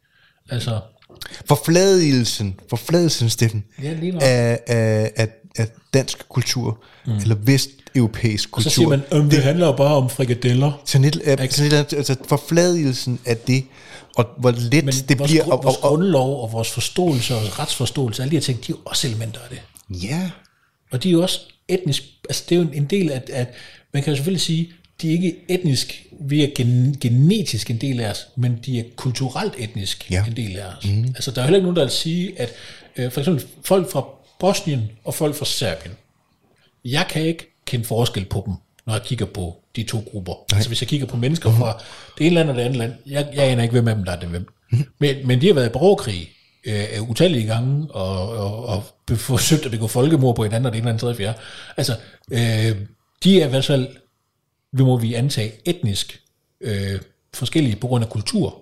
Knap så meget på grund af genetik, Ja, tror jeg. Fordi at de har jo samme hårfarve, øjenfarve og næser og så videre. Der er alle de her fælles genetiske træk for, for folk fra Balkan. Men alligevel så øh, kan de lynhurtigt finde ud af, om det er en serber eller en bosnier, der sidder over for dem, og, og dermed også, om det er en ven eller en fjende. hvordan kan det være, hvordan kan det være de Og, kommer? og hvordan, hvordan, hvordan kan vi så her sidde i Danmark og sige, at jamen, øh, det der med at være etnisk dansker, det er ikke rigtig noget, der findes? At det er, og også omvendt, hvordan kan vi sidde her i Danmark og sige, at kultur betyder ikke noget? Det gør det Når, absolut. når, når vi ser mennesker slå hinanden ihjel i hobetal for deres kultur. Lige nok. Og, og det, er jo der, det er jo der, hvor at, at, vi er nødt til at tage de diskussioner seriøst, og vi er nødt til at tage de kulturer, der kommer til Danmark seriøst, og hvilke effekter de har på os. Fordi når vi så begynder at sige, at vi er multikultur, så begynder vi at sige, at vi er mange forskellige kulturer. Det betyder ikke, i min verden betyder en multikultur ikke, at det er en ny kultur, der opstår, som er sådan, øh, at alle kan sammen. Multikultur betyder til gengæld, at nu er vi en masse folk sammen, som ikke nødvendigvis kan sammen. Mm. Altså det er jo ikke anderledes, hvis jeg går ind i et rum, og der er 100 mennesker derinde. Det, ikke, det vil ikke være alle 100 mennesker, jeg kan enes med. Det er jeg ret overbevist om. Øh, og det var jeg selv, hvis det kun var etnisk danskere, der var inde, så ville jeg heller ikke nødvendigvis kunne enes med dem alle sammen. Og så er spørgsmålet så, jamen, i hvilken grad øh, Er vi uenige? er vi uenige, og, og, hvilke konflikter kan det medføre, at vi er uenige om ting? Ja. Og, og hvilke områder øh, vil vi være uenige på? Jeg er ret overbevist om, at folk fra Stormellemøsten, de har et helt andet kvindesyn, end jeg har generelt. Og, og, så, og så postulere, at, at de er danskere rent etnisk, mm. kulturelt, fordi at Danmark er blevet multikultur, så bliver jeg sådan, jamen det så sige, at have et dansk syn på kvinder, hvis deres syn også er et dansk syn på kvinder? Altså, Og et lige så godt syn. og og jeg er jo sådan set ligeglad. Jeg mener jo, folk fra alle mulige kulturer, alle mulige andet, reelt set gerne må komme til Danmark. Mm. Der er bare nogle, nogle, nogle normer, nogle konstruktive vestlige standarder, jeg synes, at man burde tilslutte sig, når man så kommer til Danmark. Jeg tror på integration og assimilation af mennesker. Ja. Jeg tror ikke på, at den danske kultur bare skal øh, ligge sig ned og dø, bare fordi der kom nogen fremmede. Jeg tror på, at vi er nødt til på en eller anden måde at sige, jamen, det, at der er kommet nogen fremmede, betyder, at vi er nødt til at stå stærkere på vores egen kultur for at sørge for at forsvare de konstruktive normer, der er i den. Ja. Og, og det er jo selvfølgelig der, hvor så er der jo en masse øh, af, af mine egne liberale, som kommer ud og siger, jamen Steffen, er du så ikke nationalkonservativ? Det mener jeg på ingen måde er, fordi jeg mener nemlig, at mange af mine liberale værdier, de er en del af de der konstruktive sta- standarder og normer. Så når jeg siger, at jeg vil gerne beskytte øh, for eksempel meritokratiet, jeg vil gerne beskytte ideen om konkurrence i stedet for nepotisme og alle mulige andre ting, som er, er, er tilhører andre kulturer, Fordi det gør det. Nepotisme er en indlagt del i, i mange af Mellemøstens kulturer. Der bliver man jo ansat, fordi man er fætter til nogen. Ja. Jamen, det- det- ja, ja, ja, ja, det griner, fordi det, fordi Jamen, det, altså, det- man kan jo bare se nogle af de Ja. ja. øh, dokumentarer, tv-programmer og lignende, ikke? Altså, der familieklaner og alt muligt andet kører der. Det gør vi jo ikke i Danmark. Der har vi forsøgt at holde øh, meritokratiet kørende. Ja. Ikke? Og, og derfor så må vi også sige, men okay, øh, at vi, jeg forsøger at forsvare den konstruktive standard og norm, som er der. Det betyder, at jeg kommer på tværs med nogle andre kulturer, mm. som jeg kommer hertil. Jamen hov. Er det så godt eller skidt, at du gør det, Steffen Larsen? Jeg tror udelukkende, det er godt, at jeg kommer i de konflikter. For jeg tror, at det vil være medføre, at vi får nogle diskussioner om de ting. Og jeg tror, det medfører, at vi får noget klarsyn for, hvad det betyder for os. Fordi jeg tror ikke på, at, øh, at øh, den danske kultur er så dårlig og forfærdelig, at den bare kan fjernes, uden at det vil have negative konsekvenser øh, for de mennesker, der bor i Danmark. Jeg tror, vi er nødt til at, at se på nogle af de elementer, hvor vi, hvor vi er nødt til at tage den snak omkring, jamen, hvad vil det så sige at være etnisk dansk, og hvilke normer. Altså, en af de, en af de ting, som danskere svarer mest glædeligt på, at de, de er stolte af ved Danmark, det er tillid. Og så er det, så er, som jeg sagde før, der med, jamen okay, tillid. Øhm, det betyder jo, at de der 100 mennesker inde i rummet, de vil altså ikke forvente, at vi alle sammen skal slås lige om lidt. Det betyder også, at hvis det er 100 danskere, der er samlet i rummet, så, så, den, altså, så, så kan de formodentligvis godt enes om utrolig mange ting, og vi kan tale ordentligt, og selvom vi er uenige om noget, så kommer vi ikke op og slås om det, mm. fordi ja. det, det ville være unormalt, hvis vi gjorde det, Ja. Fordi vi netop kulturelt som danskere, mm. som du sagde, selv sagde tidligere, vi er ikke øh, konfliktsøgende på den måde, hvor vi ønsker en fysisk alteration, bare fordi vi er uenige om noget. Nej, det ser man jo selv i folk, nu hedder det Folketing i Danmark, men altså, det ser man jo selv på det plan i mange andre lande. At, altså, Folk, her, folk, her, kan sagtens, folk skal sagtens begynde at slås i et parlament rundt omkring. Ja, det er det, jeg mener. Det er helt sikkert. Øhm, men også, altså jeg har sådan en idé om kultur, som ja, den er ikke øh, videnskabeligt underbygget, men, men jeg har sådan en idé om, at du ved, øh, hvis du tager 20 danskere og samler op af jorden her i Danmark, og så stiller du dem over i midten af USA, over i Kansas, så vil de begynde at agere sig imellem hinanden som danskere, og udad til mod amerikanerne, mere og mere som amerikanere, men de er stadig imellem hinanden med danskere. Ja. Og det gør, at det du kom ind, hvis de alle sammen så sad i et forsamlingshus en dag og holdt en fødselsdag, en dansk fødselsdag, det ville jo være lille Danmark, du kom til. Mm-hmm. Fordi imellem de mennesker, den luft, den plads, der er imellem de mennesker, det er Danmark. ja. Ikke? Ja. Og så kan man jo sige, jamen, øh, Danmark findes ikke, eller den danske kultur findes ikke. Jo, fordi den er lige der, den er helt håndgribelig. Ikke? De, de, de sidder med Dannebro, og de, de synger de danske sange, og de gør de her ting her, og de har nogle mimikker, og de har nogle ting, de gør. Og, og der er det her med den her konfliktskyhed, når at, øh, at øh, den fulde onkel, han stiller sig op og holder en, holder en tale, så er der ikke rigtig nogen, der gør noget ved det, at man lader ham bare lige få sin brændert ud, og så fortsætter festen bagefter. Ikke? Altså alle de her ting her, alle de der elementer, ja. som der er øh, tusind små detaljer omkring, ja Som vi alle sammen kan genkende, når vi ser på film og så videre. Vi ja. ved, det det. Ikke? Altså, Ja, ja. Du ved, det, det, der er ikke nogen anden, noget andet folk i verden, der vil kunne udføre det på den samme måde, som danskerne gjorde det. Nej. Du vil ikke sådan en til en kunne... Hollænderne vil komme i nærheden af, svenskerne, nordmændene også mm. lidt, men det vil ikke være det samme. Det vil være noget andet. Ja. Ikke? Der vil være en hel masse bitte små mikrodetaljer, som vil fortælle os, at det ikke er det. Ikke? Og, og, og der er vi jo nødt til at sige, jamen hvis, hvis vi så tager de der danskere og siger, jamen hvis de står der, og, og området imellem dem, det, det luft, der er imellem os, når vi gør de ting, det bliver til Danmark, fordi det er det, det gør, det er jo det, der sker, det er det bliver til et lille mikrokosmos af, af, af dansk suverænitet ude i verden reelt set, fordi det, der, bliver, der bliver der handlet efter danske normer. Hvorfor er det så ikke også det, vi så må antage sker helt automatisk, når vi så tager en million mennesker fra Mellemøsten og placerer midt i Tyskland? Det er det, der sker. Jamen altså, luften imellem de mennesker Ja. må jo ligeledes blive Ja. til en anden kultur, og et reelt set en anden national stat i det. Ja. Ikke? Og, og den største tyrkiske by i, i Europa, eller i verden, er jo, er jo ikke øh, Ankara, eller, eller øh, øh, nogle af de andre tyrkiske byer, det er jo Berlin. Mener du det? Ja, det er der, der bliver flest, flest tyrkere i, i, i verden, det er Berlin. Det er vanvittigt. Mener du det? Ja, det, det, Nå, det har jeg slå hørt før. Google Ja, ja, ja. Så, så det er jo en af de der ting, der, hvor man sådan ender i en situation, hvor man siger, okay, jamen altså, er der så et Tyrkiet i Berlin, reelt set? Jamen, det er der jo. Ja, der må der, det, altså, Der- i, min, der- I min optik, og det er ikke noget med, at jeg, jeg ikke vil anerkende hverken det ene eller det andet, eller, eller synes, at det er dårligere eller værre, men det fører jo det automatisk med sig. Fordi folk overtager ikke bare en kultur sådan her. Nej, men, men det der jo er, det er tyrkere ude i verden, de har stadig stemmeret hjemme i Tyrkiet. Ja, De stemmer stadig på Erdogan. Ja.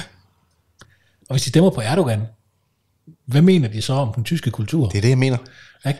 Erdogan han er øh, stort set svoret fjende af EU i dag. Ikke? Ja. Okay. Han truer EU med, hvis ikke I giver, ham, giver mig penge, mm. som jeg må bruge på, hvad jeg vil, mm. så sender jeg øh, flygtninge over den græske grænse. Igen, det er... Ikke? Altså, han laver en Lukashenko på EU. Ja, ikke? ja, ja. Og, og der må man sige, jamen, okay, og det er der tyrkere i Europa, der stemmer på en mand, som reelt set truer mm. det europæiske sammenhold. Mm. Hvis man bruger EU's egne ord omkring, hvordan de ser på Lukashenko, så må hans trusler fra Tyrkiet være det samme. ja. Ikke? Det, det kan jeg ikke se anderledes. Nej, det, det, må, det må, hvis man, hvis, man, hvis man antager, at EU ikke lyver, når de siger, at det er et problem, at Lukashenko han lægger øh, flere tusind øh, migranter over grænserne, så må det jo være det samme, hvis, hvis Erdogan han gør det samme og tror med det. Og så er det jo, vi har balladen. Ikke? Så har vi jo den ballade, at så har vi jo en anden kultur, et andet folk og en anden nation internt i vores egen nation. Mm-hmm. Og, de er handler, det det, og, de handler, og de handler imod vores interesser. Og Nå, men altså, det er jo, det er jo sådan en, altså, jeg, jeg, har- ja. jeg har ikke noget mod tykker. Jeg er Nej, vi, vi samme- med døner kebab, og hvis Samme- vi skal forflade det til at være frikadeller i Danmark, Ja. så må vi også forflade det til at være døner kebab Ja. i Tyrkiet. Ikke? Ja. Og, og, og, så er det spørgsmål jo så, hvad, hvad, hvad er så øh, øh, løsningen på de her problemer? Fordi der kommer til at være kulturelle problemer. Altså de grå ulve, som er jo sådan en tyrkisk, øh, fascistisk fraktioneret parti, som støtter af, af Erdogan, øh, de er jo også store øh, og begår reelt set kriminelle handlinger i, i, i Europa. Og, og, og hvad med dem? De forfølger jo også, for eksempel hvis der er tyrker der er i Europa, der udtaler sig negativt om Erdogan og Tyrkiet, så bliver de jo forfulgt af de her grå ulve her, øh, som, som de kalder sig selv, som okay, et, det er et, et, et politisk parti eller en politisk bevægelse. Den er kriminaliseret i nogle lande, lande mener jeg også. Jeg ved ikke, jeg kan ikke huske, om Tyskland accepterer den længere, øh, men altså, det er bare sådan en, der kommer nogle konflikter, Mhm, og, der, og der plus- importeret nogle konflikter, og der, Plus, plus, plus Steffen, altså i både, det jo, og det gælder jo både her, og det gælder jo i stort set alle andre europæiske lande også, at man øh, tillader øh, overførsel af 100 af millioner af- af dollars øh, opbygning af kultur, altså kulturinstitutioner som moskéer mm. i landet til at be, bevare og udfolde og øh, maksimere øh, deres egen kultur. deres egen kultur midt i, i nationalstaterne, som har en anden kultur. Altså jeg kan ikke... Jeg snakker også lidt med Christian øh, Markusen om det, og jeg snakker med flere om det. Altså, det er svært sådan at være meget positiv omkring, at der ikke er med tanke på det, vi har talt om med machismo eller machismo, mm. øh, og ikke så højt uddannelsesniveau, og måske ikke så høj øh, IQ. Altså det er svært at, at se, at det ikke på en eller anden måde skulle lede til konflikt, og mere konflikt over tid. Nu, nu så jeg, hvad, hvad var det, jeg læste med Huntingtons... Øh, øh, den- det, det, Clash of Civilization. Ja, Class of Civilization, den har jeg selvfølgelig læst for flere år siden, men jeg, jeg, øh, der var noget i forhold til, var det Bo Lidegaard, ham der fra tidligere politikken, som, Ja. ja. som, som Han er jo vendt på tallerkenen. ja, omkring grænser. lige, lige pludselig så er det fint nok med stoltråd og med, med hegn og så videre. Ja, Ja, det, er for, gået, for Europa er en god idé. det er godt, det pludselig er det gået op for ham, at det ikke bare er skønt med en stor sovs af mm. alting oven i hinanden, og det ikke leder til et skønt resultat, men at, men at det, at, det at designe, at det er et samfund, der er sammenhængende, rent faktisk er en kunstart, mm. og det ikke bare er ligegyldigt, hvilke farver man bare maler ud over det hele med. Det, det, kræver, det kræver bestemte ingredienser for, at man ender med det skønne resultat, man ønsker sig. Altså, sådan nogle ting som tolerance, ikke? Altså, som er jo noget af det, der skal fordre tillid i, i vores samfund. Jamen, hvis vi skal have den der tillid imellem de mennesker, vi møder på gaden, mm. øhm, så skal vi jo kunne forvente, at de opfører sig på en måde. Altså, og så er det jo opførsel lige pludselig. Det er jo en meget håndgribelig ting i min verden, opførsel, fordi øh, jeg har været dørmand i 10 år. Jeg har aldrig smidt nogen ud af et diskotek, Nej. på grund af deres hudfarve, på grund af det tøj, de havde på, Nej. på grund af de sko, de gik med. Nej. Jeg smidt dem ud på grund af deres opførsel. Ja. Og, og det bliver sådan en meget håndgribelig ting, fordi vi er jo nødt til at se på de der ting som opførsel. Og hvis opførsel, hvis der er en overrepræsentation af negativ eller kriminel opførsel i visse kulturelle grupper, så får vi jo problemer med de kulturelle grupper, hvis ikke vi også slår hårdt ned på den negative opførsel på en eller anden måde. Eller hvad skal gøre noget, der skal modvirke den negative opførsel. Ja. Øhm, og, og altså lige nu har vi jo et system, hvor vi knap nok kan finde ud af at smide øh, dybt kriminelle indvandrere ud af landet. Altså, et af det tager utrolig mange år på grund af ankesager og så videre, at en, for eksempel en, vold, en, en person, der har begået flere voldtægter, kan vi nærmest ikke få smidt ud over landets grænser. Vi kan ikke få sendt ham hjem til det, det land, han kommer fra. Øh, øh gang på gang. Ikke? Vi har haft sådan nogle som Danny Abdallah og, og, og flere andre sådan nogle bandeledere og kriminelle, som gang på gang, selv mens de har ventet på at blive udvist af landet, har begået ny kriminalitet, begået nye voldtægter, begået øh, nye øh, handlinger, øh, vold og skyderier og narkotikahandel og alt muligt andet. Altså, hvor selv når de har været reelt set, hver aften skulle de melde sig på et øh, udrejsecenter, så er de stadig lykkedes med at begå nye øh, uhyreligheder, ja. der har haft ofre. Ja. Ikke? Og de ofre, det er jo konsekvensen af, altså det må, det må man sige, altså, hvis vi har en fuldstændig øh, åben tilgang til, til verden, så er vi jo naive. Det er jo sådan det, det, som er sådan, hvis man som menneske, som individ, bare går ud i verden helt blåret og siger, nej, hvor er alting skønt. ja. Ej, hvor er det bare smukt herude, og hvor dejligt. Og alle folk, de er bare så flinke og rare, ikke? Det var mig, fra jeg var, det var mig, fra jeg var 4 til jeg var 29. Ja, ikke? og så går, man, så går man hen, og så, nej, der er et stort skilt, der står øh, et eller andet øh, rocker øh, på den, og så går man ind i den, og så siger man, hej alle sammen, hej, det er godt, ej, hvor er det skønt at se jer, ikke? Og hvad er chancen for, at du ikke kommer ud af det, enten plyndret, eller voldtaget, eller berøvet, eller eller andet, ikke? Altså, det, det, det. ja. Og, der, og derfor så den der med at have den der fuldstændig naive holdning, at verden, den er bare er sunshine and rainbows. Altså, jeg, jeg havde en, en veninde, som jeg tog til Barcelona med på et tidspunkt, og hun syntes at bare, at verden var fantastisk. Og hun var sådan vokset op i noget kunstnerkollektiv eller andet, og alt sådan noget der hippie-familie, ikke? Og de havde slet ikke forberedt hende på, hvordan verden var. Så da vi kom til Barcelona, det er første gang, hun er væk fra en sådan en lille stor jysk by, ikke? Øh, hvor alle kender hinanden stort set, så render hun øh, ind i Barcelona. Det er en by med et par millioner indbyggere. Der er 20 knægte og cigøjner alle steder, ikke? Øh, og der går jo heller ikke anden, øh, du ved, den første time eller sådan efter vi landede landet med flyet, så har hun jo fået, øh, fået røvet sin punkt, og øh, dagen efter får hun stjålet en eller anden kamera, og øh, en eller anden cigøjner, der kommer og lige skal hen over et bord, vise et kort og give hende en rose, og så, da han tager kortet væk igen, så er kameraet jo væk, ikke? Alle de der ting, der du ved, hun, hun var fuldstændig blottet for enhver sans for, at hun var i fare, når hun stod sådan et sted. Det var sådan, jeg var, jeg var helt forbløffet. Altså, jeg havde, jeg havde bare ved at få hovedpine en gang imellem. Hvor, hvor, altså, fordi jeg var på den der, jeg var, vi var 15-20 mennesker afsted sammen, ikke? Men hun var bare, hun blev bare ramt af, at alt bare viste sig, at hvis du var naiv, når du mødte verden, mm. så blev du bare ribbet af verden. Ja. Ikke? Fordi der er bare skrupelløse mennesker derude, der udnytter øh, naive mennesker. Hvis du er tilpas naiv, så, så svarer du også på Nigeria-breve og kommer til at overføre 250.000 kroner til en nigeriansk øh, kvinde, ikke? Øh, som lige vil øh, låne dig. Hvis du låner hende 250.000 nu, så om to uger, så får du 4 millioner igen. Ja. Det er en god, det er en god deal, ikke? Ja.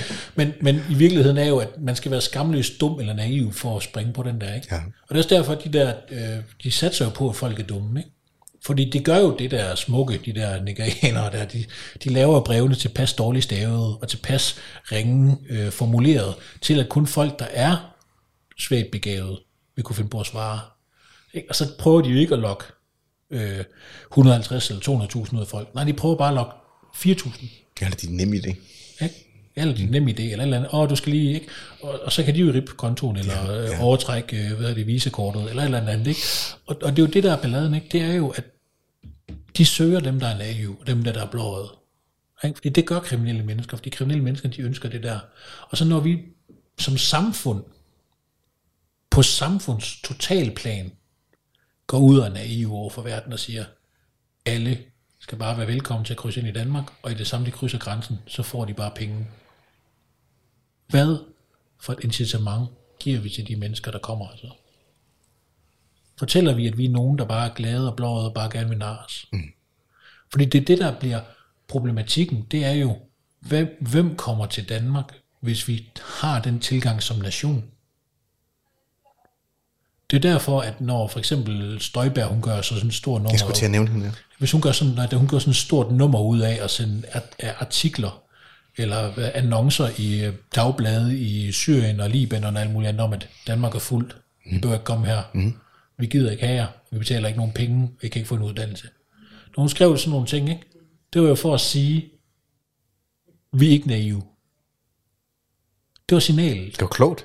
Altså, jeg, jeg, jeg, jeg, jeg vil sige på den måde her. Jeg kunne da heller ikke lide, at vi skal bruge den retorik. Jeg kan da ikke lide, at vi skal have den tilgang til verden. Nej. Men jeg kan da heller ikke lide, at jeg skal kigge mig over skulderen for at undgå at blive røvet af en cigøjner, når jeg går rundt på gaden i Barcelona. Oh. Men det skal man, hvis man går på ja. ramplan. Hvis man ikke kigger sig over skulderen, når man går på ramplan, så er der nogen, der nubber alt, alt, alt, hvad man har på sig. Nu følger jeg jo ret meget, men det er jo det, at du følger jo ret meget øh, situationen i USA, fordi at jeg, jeg, jeg med så stor vantro i øjnene, så at Biden han blev valgt. øh, har du set øh, de seneste klip, og det er igen i forbindelse med det der grænseshow, der hvor, hvis man ser nogle af de gamle klik, klik altså gamle 1, 2, 3 års øh, ud, altså interviews med Ka- Kamala Harris, Ja. hvor hun, alle skal bare komme, og der er honning i gaderne, og vi, man kan ikke tillade sig at, mm. med flygtninge eller immigranter og så videre. Så stop. Der er bare ikke noget, og nu, Stop nu. Og nu står hun. Det var så skønt at se. Det var, altså, det var fryd igennem hele kroppen på mig, da jeg så hende stå til det der, don't, don't come. Ja. America's full. Fordi virkeligheden lige pludselig rammer hende i det øjeblik, at hun står som værende vicepræsident. Lige pludselig er det hendes ansvar. okay. Der er simpelthen et ansvar forbundet med, hvad jeg står og siger. Og jeg vil også gerne genvælges om et par år. Ja. Det, det var så skønt, og det er jo det samme, det er jo den samme opvågning. Jeg, jeg, jeg, jeg, nu har jeg spurgt på Facebook også et par gange i forbindelse med den Inger Støjberg sag, der kører i øjeblikket rigsretssag for at forstå hele det der.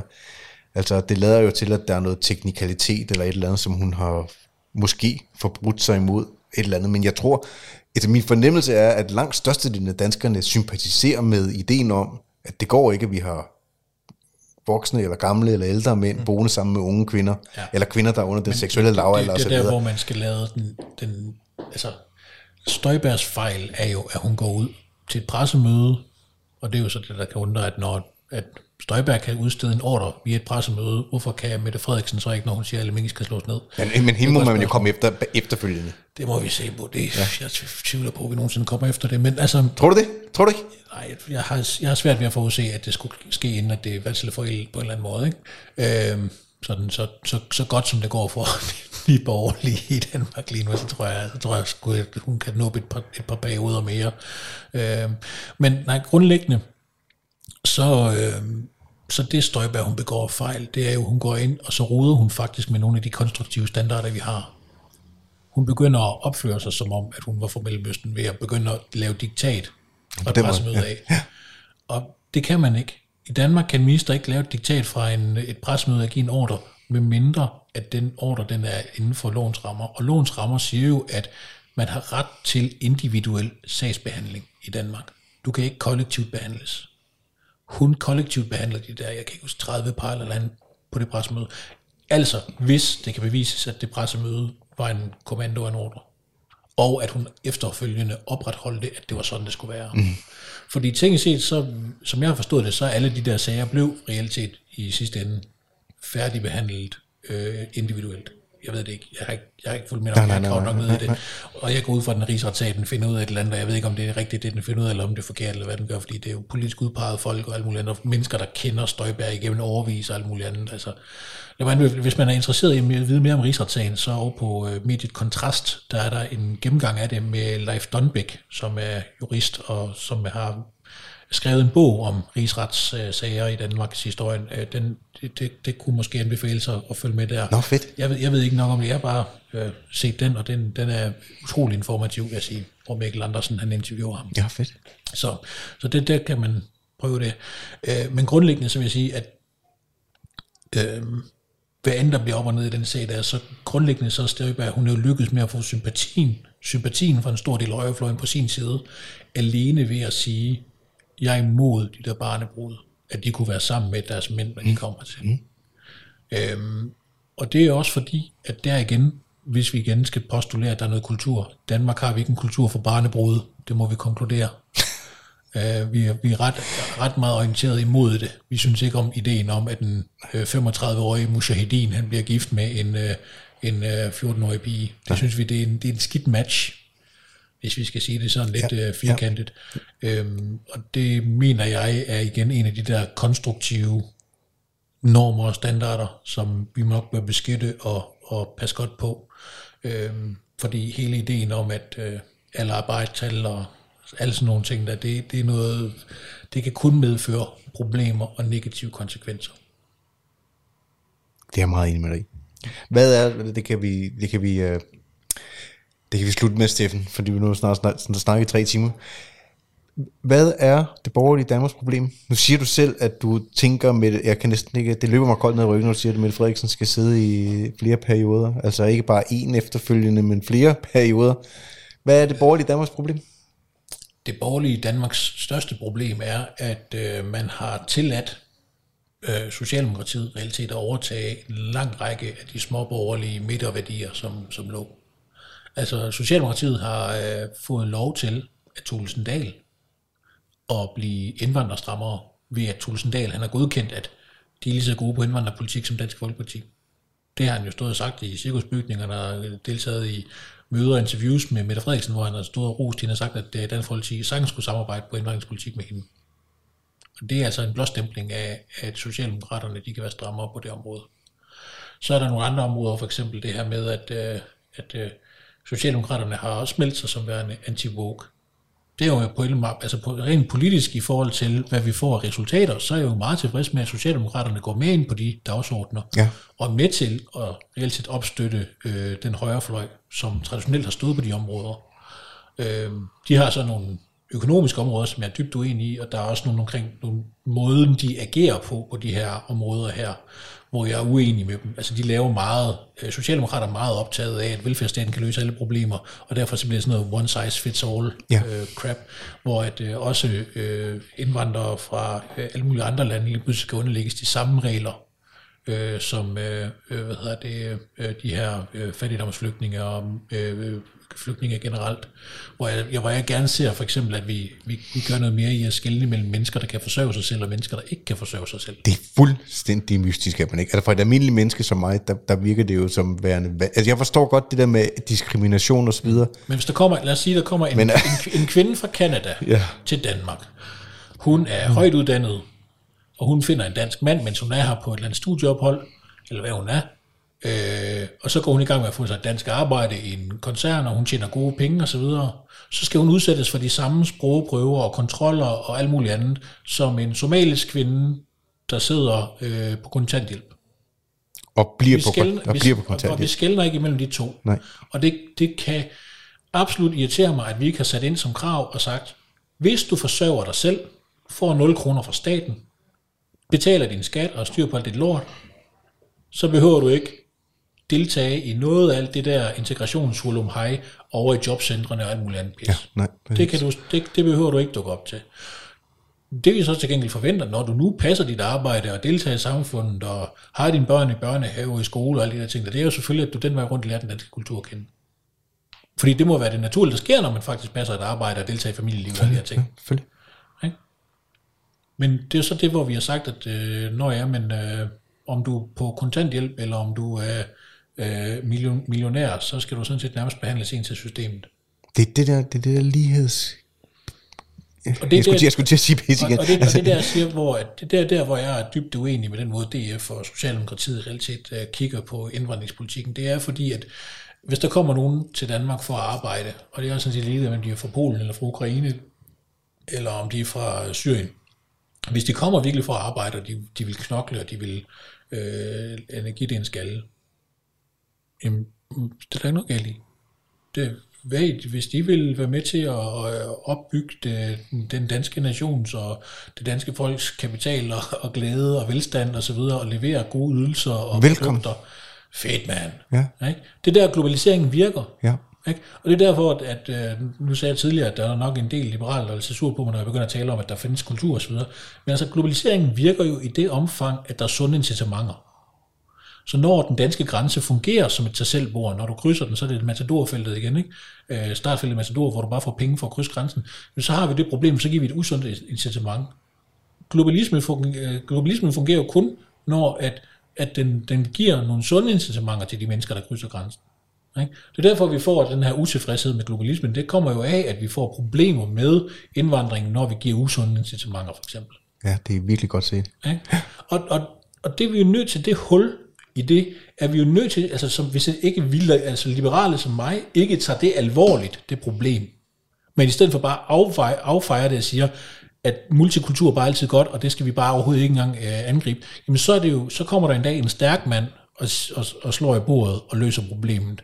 Og så bliver det en dårlig løsning, er jeg ret sikker på. Det er sikker, ja. Altså, det er jo det der, det er min frygt, fordi det er det, man historisk kan se, der er sket, når ja. der har været sådan nogle ja. øh, problemer af forskellige arter. Så er det altid, at der kommer en eller anden stærk mand og løser det ved at udpege nogle søndebukke. Eller ja, det, kan aldrig, det kan aldrig ske igen, Sim. Det kan aldrig ske igen. Det, det, det, det, kan, vi, det kan vi jo sige nok, nok ja. gange til os selv. Ja. Men hvis, hvis ikke vi tager udfordringen og problemet seriøst, så resulterer det i de samme problemer igen. Og igen, vi skal ja. lære af historien. Det og det er derfor, jeg er nødt til at bare øh, være den der næsager, der siger, at øh, jamen, der er nogle konservative, der er ret i, at der er et problem. Men er løsningen så bare at gå helt øh, øh hardcore øh, nationalkonservativ eller total øh, socialistisk øh, øh, centralisme løsning? Det tror jeg ikke på. Nej, jeg tror på, at der er, nogle, der, er nogle meget bedre løsninger ved at begynde at differentiere ud fra, hvad folk de har formål, og hvad folk de gør her. Altså det er der, vi er nødt til at lave nogle skildringer og skældne. Altså jeg, en af de ting, der er mest irriteret over ved Socialdemokraterne, når de går og siger, at de er hårde på indvandring, det er, at de afskaffede asylydelsen, eller den der lavere integrationsydelse. Øh, integrationsydelsen var jo lavere end kontanthjælp. Og det var jo et stærkt incitament til, at når folk jo kom her til landet for at skulle integreres, at så øh, tog de sig et arbejde. Nu har de så fået den fulde kontanthjælp og øh, børneydelser og det hele, så nu er incitamentet til at tage et arbejde væsentligt lavere igen. Særligt blandt indvandrerkvinderne fra Stormellemøsten. Og, og så må man sige, jamen hvor hårde er Socialdemokraterne så i reelt set? Altså de, de taler, de har sat feje til at tage the talk og tale hårdt. Mm. Men er det det samme som, at de så også faktisk gør noget ved det? Og de løsninger, de kommer med, så faktisk nogen, der faktisk løser problemerne. Og det er der, hvor jeg, jeg mener, at, at, at hvis man vil tage seriøst øh, i indvandringspolitikken, så er man nødt til også at komme med nogle løsninger på problemerne. Og mine løsninger er jo at, at begynde at differentiere ud fra, hvad formålet er med dit ophold. Er formålet bare at øh, sidde i, øh, i øh, øh, øh lille Aleppo øh, øh, på Nørrebro øh, og reelt set skabe imellem hinanden et øh, hjem væk fra hjemmet, hvor din egen kultur, det er den herskende, og den kultur, du er kommet til, den skal øh, udstødes og skubbes væk, øh, jamen så er der jo nok nogle problemer. Altså så kommer der nogle problemer under opsejling. Og det, det er også det, vi ser med indvandrerbander og lignende, at de begynder at herske de områder. Det er jo fordi, at vores eget politi nærmest ikke kan komme der, og vores egne myndigheder har svært ved at dukke op i, i visse områder. Ikke? Altså, jeg tror ikke, at øh, der er mange politibetjente i, Danmark, der vil sige, at uh, Gellerup-parken, der går, der går jeg da bare ud ene betjent klokken to om natten, det er da ikke noget problem. Der tror jeg nok, at, at grundlæggende har igen, at, at området derude kræver, at man er lidt mere end bare lige en enkelt klar, eller klar, to klar. Og der, der, der, på den måde, der er Danmark jo så bare bagefter på kurven i forhold til nogle af de andre lande, altså Sverige, ja. eller Belgien, eller Frankrig, Frankrig, eller Frankrig er jo, Frank, altså Frankrig vi har jo set i det forløb nu, siden vi to øh, så sidst, øh, tusind øh, franske militærfolk, der har skrevet under på et brev til Macron, øh, af flere omgange, ikke? Mm. Altså, hvor de, hvor de, hvor de... Men altså, der har Macron så også, kan man sige, steppet op hans game. Ja, ja. Han, er, han, er, han, er, han er begyndt at sige, okay, vi skal forsvare fransk kultur. Ja. Øh, og det er jo så det, man, man måske øh, begynder at se nogle, nogle takter af, også fra for eksempel Socialdemokraterne, men som den, den, den borgerlige fløj ligesom har skulle kunne bære selv også. Så hvad skal, det borgerlige, så hvad skal det borgerlige gøre? Jamen de skal, jo, de skal jo reelt set også presse på for det. De skal jo også presse på for, at dansk kultur er dansk kultur, og dansk kultur er en, er en, en, en helt fin og enestående ting, øh, og, og der eksisterer noget, som hedder en dansk etnicitet. Øh, altså, det, det må vi jo acceptere, at der findes. Det kan det ikke være, og det kan da ikke være anderledes. Altså, og det er værd besky- altså, Danmark er det eneste sted, du har at være dansker. Mm den eneste plet på jorden, hvor luften imellem os er dansk. Ja. Eller det, det, der er imellem os, er dansk. Øh, hvis vi tager til Sverige, så føles det anderledes at være der. Ja, Det er dejligt land. Hvis vi- ja, nej, hvis- men hør, hvis- de, der, de der vejskilte, lige snart du krydser til Sverige, og vejskiltene er gule Det er det. med rød, du, du, ved, Små du ved, allerede der, så ved jeg, det er et taberland. Det er et fucking taberland. Det er det bare. Det, Jamen, det er jo ligegyldigt, hvad for, selvom de lande, der ligger tættest på os, hvis man tager der til, så er luften imellem mennesker anderledes. Ja. Tingene er anderledes. Du kan se det, og hver dansker kan jo, altså som jeg sagde før, det, du, du kan se, om det er en hollænder, eller en, ja. Ja. om det er en nordmand, eller en svensker. Ja. Ja. Du ved det med det samme. Ja. Altså bare den, altså mimikken, gest, altså tøjet, måden de bærer deres tøj på, hvordan, hvordan har man et bælte på? Altså, der er et eller andet, der er forskelligt. Der er, et, der er en eller anden lille Ja. ja. detalje, Ja. der gør, at Ja. Jeg er meget du enig. moden et eller andet, der, Jeg tror, jeg er faktisk også enig med dig i, at, øh, at den, altså det liberale Danmark og det borgerlige Danmark, øh, at få fat jeg mener ikke at tage patent på det, men at udrulle et, øh, et billede af, hvad det er, der er værd, og hvad det er, der er skønt ved Danmark, og både at bevare og støtte op om og sikre, både for os, jeg mener, gå i offensiven for at udbrede det, og sørge Ja, for, at det, det, ja, det, ja. det bliver udbredt på sam, måde. samtidig med, at Så jeg... en ting er at forsvare ting, men problemet er ved at forsvare noget, så salami-metoden skal mere og mere af din, af din fæstning, indtil den er væk. Ja. Ja. Der jeg mener, vi skal udbygge det. Ja, klart, det er vi, med- det er vi, jeg enig skal, med vi, skal, Ja. vi skal tage modellere Ja. ja. klodsen, der, Ja. ja. der hedder Danmark, og så kan komme noget mere modellere voks på, der Det er hedder med Danmark. i, ja. Så vi får en større klods reelt Ja, set, ikke? jo, stærkere. Ja. Og en del af det, det er, at vi hjælper mænd til igen at øh, have lov til at være stærke mænd. Stærke, positive mænd, ikke? Men selvfølgelig. Ja. Karl Marr havde ret, hvis man skal sige det sådan lidt firkantet. det, det må man øh, på, bag, på bagkant, selvom vi alle sammen grinede af ham dengang, så må vi sige, så altså noget ret tydeligt, øh, ret tidligt. Og om hans måde er den rigtige at nå dertil på, det ved jeg så ikke. Jeg kunne faktisk godt tænke mig at tale med ham en dag. det, det, kunne jeg, det kunne jeg faktisk også. Altså, Det kunne jeg kanon under hånden, er jeg sikker på. Men, men, men jeg, ved, jeg ved ikke, hvad jeg skulle få ud af det. Jeg ikke, Nej. Men, men han, han, han, han, var nok ikke helt så tabt altid Nej, med en vogn, nej. som, som mange vi, ikke troede. hvis jeg skal sige en sidste ting, som jeg tror, altså for det, der interesserer mig, og det er også, det er også øh, en af grundene til podcasten, det er, hvad er det, hvad, hvad er det, der konverterer mennesker? Altså, hvordan, hvordan, hvorfor er det, at jeg bevæger mig i, på min livsbane fra at være øh, stemme til venstre, til at stemme mod højre? Øh, hvad, er det, hvad er det for nogle ting, der, der konverterer mig fra at have et synspunkt til at have et andet? Miljø kunne være et, et, et andet eksempel. Øh, der er jo en række emner, hvor man siger, hvad er det for nogle mennesker, hvad er det for nogle kvaliteter, der gør, at man kan, man kan konvertere? Og der synes jeg, altså det, det må jeg sige sådan helt ærligt, at der har højre, højrefløjen i dansk politik altså et problem med mennesker, der har et, øh, et væsen, der konverterer. Mm. Altså som er i stand til at stille sig i en position, hvor de åbner op, i stedet for at de støder fra.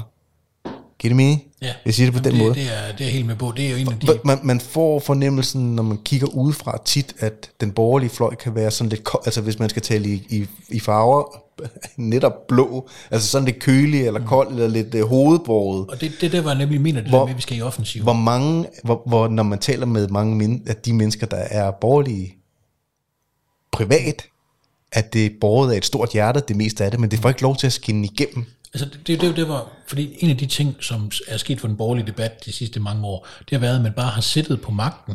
Og når man sidder på magten, så bliver man malig. Og når man sidder på ma- magten og bliver malig, så begynder man bare at afvise de andres idéer. Mm-hmm. Så bliver man den der, der bare siger, aha, det der, det er noget pjat. Det er noget pjat, det er noget pjat. Men så er det de andre, der danner idéer og skaber nye ting. Ja, Og det betyder, så er du ikke i offensiven for at udvide de ting, du burde kæmpe for. nej. Og det er derfor, jeg siger, at vi skal i offensiven, fordi ja. hvis vi bare sidder i defensiven og siger, ej, det er også noget fjol, når de der studerende, de kommer og siger, at vi skal forbyde mexikaner at have det over på øh, øh, CBS, fordi det kunne støde en mexikaner. Mm. Når vi bare siger, at det er jo bare fordi, de er fjollede, og det skal afvises, så gør vi ikke nok. Fordi når vi siger, at det bare skal afvises, jamen hvad så? Så kommer de igen om en uge og siger det samme, og igen om en uge og siger det samme, Ja. og igen om en uge og siger det samme. Ja. På et eller andet tidspunkt, så er der nogen, der overgiver sig, og så har de vundet territorium, mm. og vi har tabt. Ja. Så vi skal ikke bare forsvare. Hvis vi bare sidder og forsvarer, så salami metoden igen, vi mister stille og roligt territorium, og vi mister stille og roligt sager, vi kan kæmpe for, mm. og vi bliver øh, reaktionære, og vi bliver nogen, der ikke tør at være progressive i forhold til vores kamp for at udvide de ting og de standarder, som vi skal kæmpe for. Det er derfor, det er så vigtigt for mig også at tale om de her konstruktive standarder, som vi start- startede med. Fordi vi er nødt til, hvis ikke der er en borgerlig, borget debat om de konstruktive standarder, så har vi nul og niks at hænge os hat på lige om lidt. Fordi vi bliver ved med at miste territorier, så ja. længe at vi ikke ja. begynder at sige, hvorfor det er godt. Ja. Hvis ikke vi kan forklare, hvad er de positive effekter af meritokratiet? Hvad er de positive effekter af konkurrence? Hvad er de positive effekter af øh, øh, menneskeligt mod og gå på mod og øh, udfordring? Mm-hmm. Hvis ikke vi kan forklare, hvorfor det er, at øh, alle de her ting her, de skal hænge sammen. Hvorfor er, er det, at kapitalisme faktisk virker? Mm. Hvis ikke vi forklarer det, så mister vi bare territoriet stille og roligt, og så bliver mere og mere hugget af os, og til sidst, så, øh, så er armene og benene væk, Ja. og så, så står skarpretteren med øksen klar til at hugge hovedet af os. Ja, ja. Ikke? Og det dur ikke. Så vi er nødt til at have den her positive tilgang til, hvad er det, vi forsvarer. Derfor er vi nødt til at tale om det der med, hvad, hvad er den vestlige kultur, hvad er den danske kultur, og gør, gør det til et positivt projekt.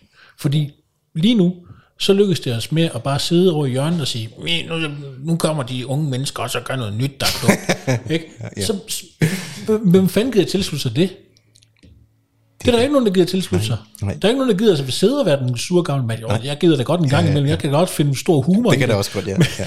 men, men, men, men du ved, i fem minutter efter man har gjort det, så har man ikke opnået noget, og det eneste man har fået, det var et billigt grin. Men du fornemmer, du fornemmer vel, det må du næsten gøre, fordi på samme måde som øh, du, du følger mange, af de, det, kan for, det kan jeg fornemme, fordi jeg altid de tjekker, hvem der mm. følger, men vi følger mange af de samme ting på Facebook, mm. og der er ting i gang både i England og i USA, øh, hvor man har fornemmelsen af en ung, frisk, ny energi, som er f- flabet og stikkende. Og, Så de der turning point typer og sådan noget der, de har et eller andet i hvert fald, hvor de taler om de positive værdier i USA. Carl Benjamin. Ja. Øh, der er også de to, jeg har tit tænkt på, der er din bror, øh, John, I skulle lave sådan ligesom de der to, hvad hedder de, øh, øh, de amerikanske øh, mærkerdrenge, hvad fanden er det, de hedder? Og der er de der tvillinger der. Ja, det er jeg har aldrig, set noget med Nej, dem, de er skide sjove. jeg, jeg har kun set nogle memes. Men det er også ligegyldigt, det, det, det, er også, det, er, det er ikke for at bruge dem som et, det er for bare at bruge energien i det som et eksempel, at man øh, tør stå op for med hjerte og humor og med alting for, hvad det er, man tror på, og hvilke værdier det er, man tror på, som bærer igennem for et samfund. Ikke? Øh, det har vi brug for i Danmark og i det borgerlige Danmark, at der er nogen, der, i mine øjne, ja, altså at der er nogen, der, det- der, der, det- får, du der, har- du har helt ret der der. får hele den jyske dreng med, og jyske mand med. Og det er der, den der institutionsbygning der, den der institutionsopbygning, ja. jeg talte om faktisk sidste gang jeg var, det var den der, vi skal bygge nogle institutioner op. Ja. Ikke? Det der, hvor for eksempel, jeg støtter øh, øh, den uafhængige, jeg støtter øh, ja. øh, kontrast, jeg støtter ja. dig ved at komme her og, Ja. ja. og tale med dig om de ting her. Jeg, jeg støtter alle, jeg kan, som prøver at opbygge et positivt borgerligt narrativ. Ja. Alt hvad jeg kan. Det, det er, fordi det er den eneste måde, at vi fordi de institutioner, der allerede står, de er blevet overtaget af venstrefløjen langt hen ad vejen. Ja. Det, er mit, det er mit blik på den. Ja, det er samme. Man kan godt sige, at det er bare dig, der har en dum konspirationsteori, der er engang. men men min, min, min verdensblik er virkelig, at det er, er nogle røde lejesvinde, og at, øh, at øh, hvad hedder det, øh, øh, politikken, de kommer aldrig til at støtte øh, øh, noget, der bare minder om en liberal eller borgerlig. Øh, og, og det samme gælder mange af de andre aviser. Jyllandsposten er blevet købt af politikken, så det bliver også øh, sikkert på vej mod at blive en rød revkage. Who knows? Du ved, jeg, jeg synes bare, der, der, ved du, de etablerede medier, de, de kæmper altså ikke nok på det. De tror ikke nok på et, en borgerlig sejr nogensinde.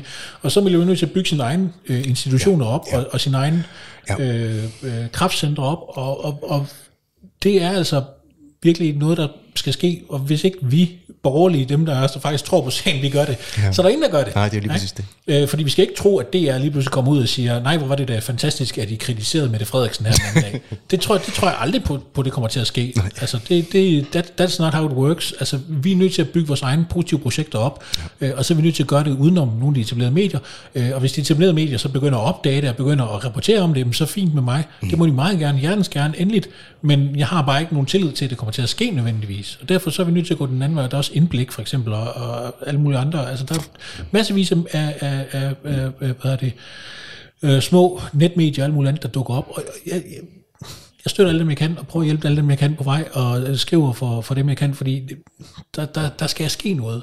Ikke? Og, og jeg, jeg, bliver, jeg, bliver, jeg bliver kun deprimeret, hvis ikke vi gør noget. Altså, hvis jeg bare sætter mig tilbage i lænestolen og venter på, at nogle andre gør noget, så sker der jo heller ikke en skid. Nej, det er lige præcis det. Ikke? Jeg ser samme fornemmelse.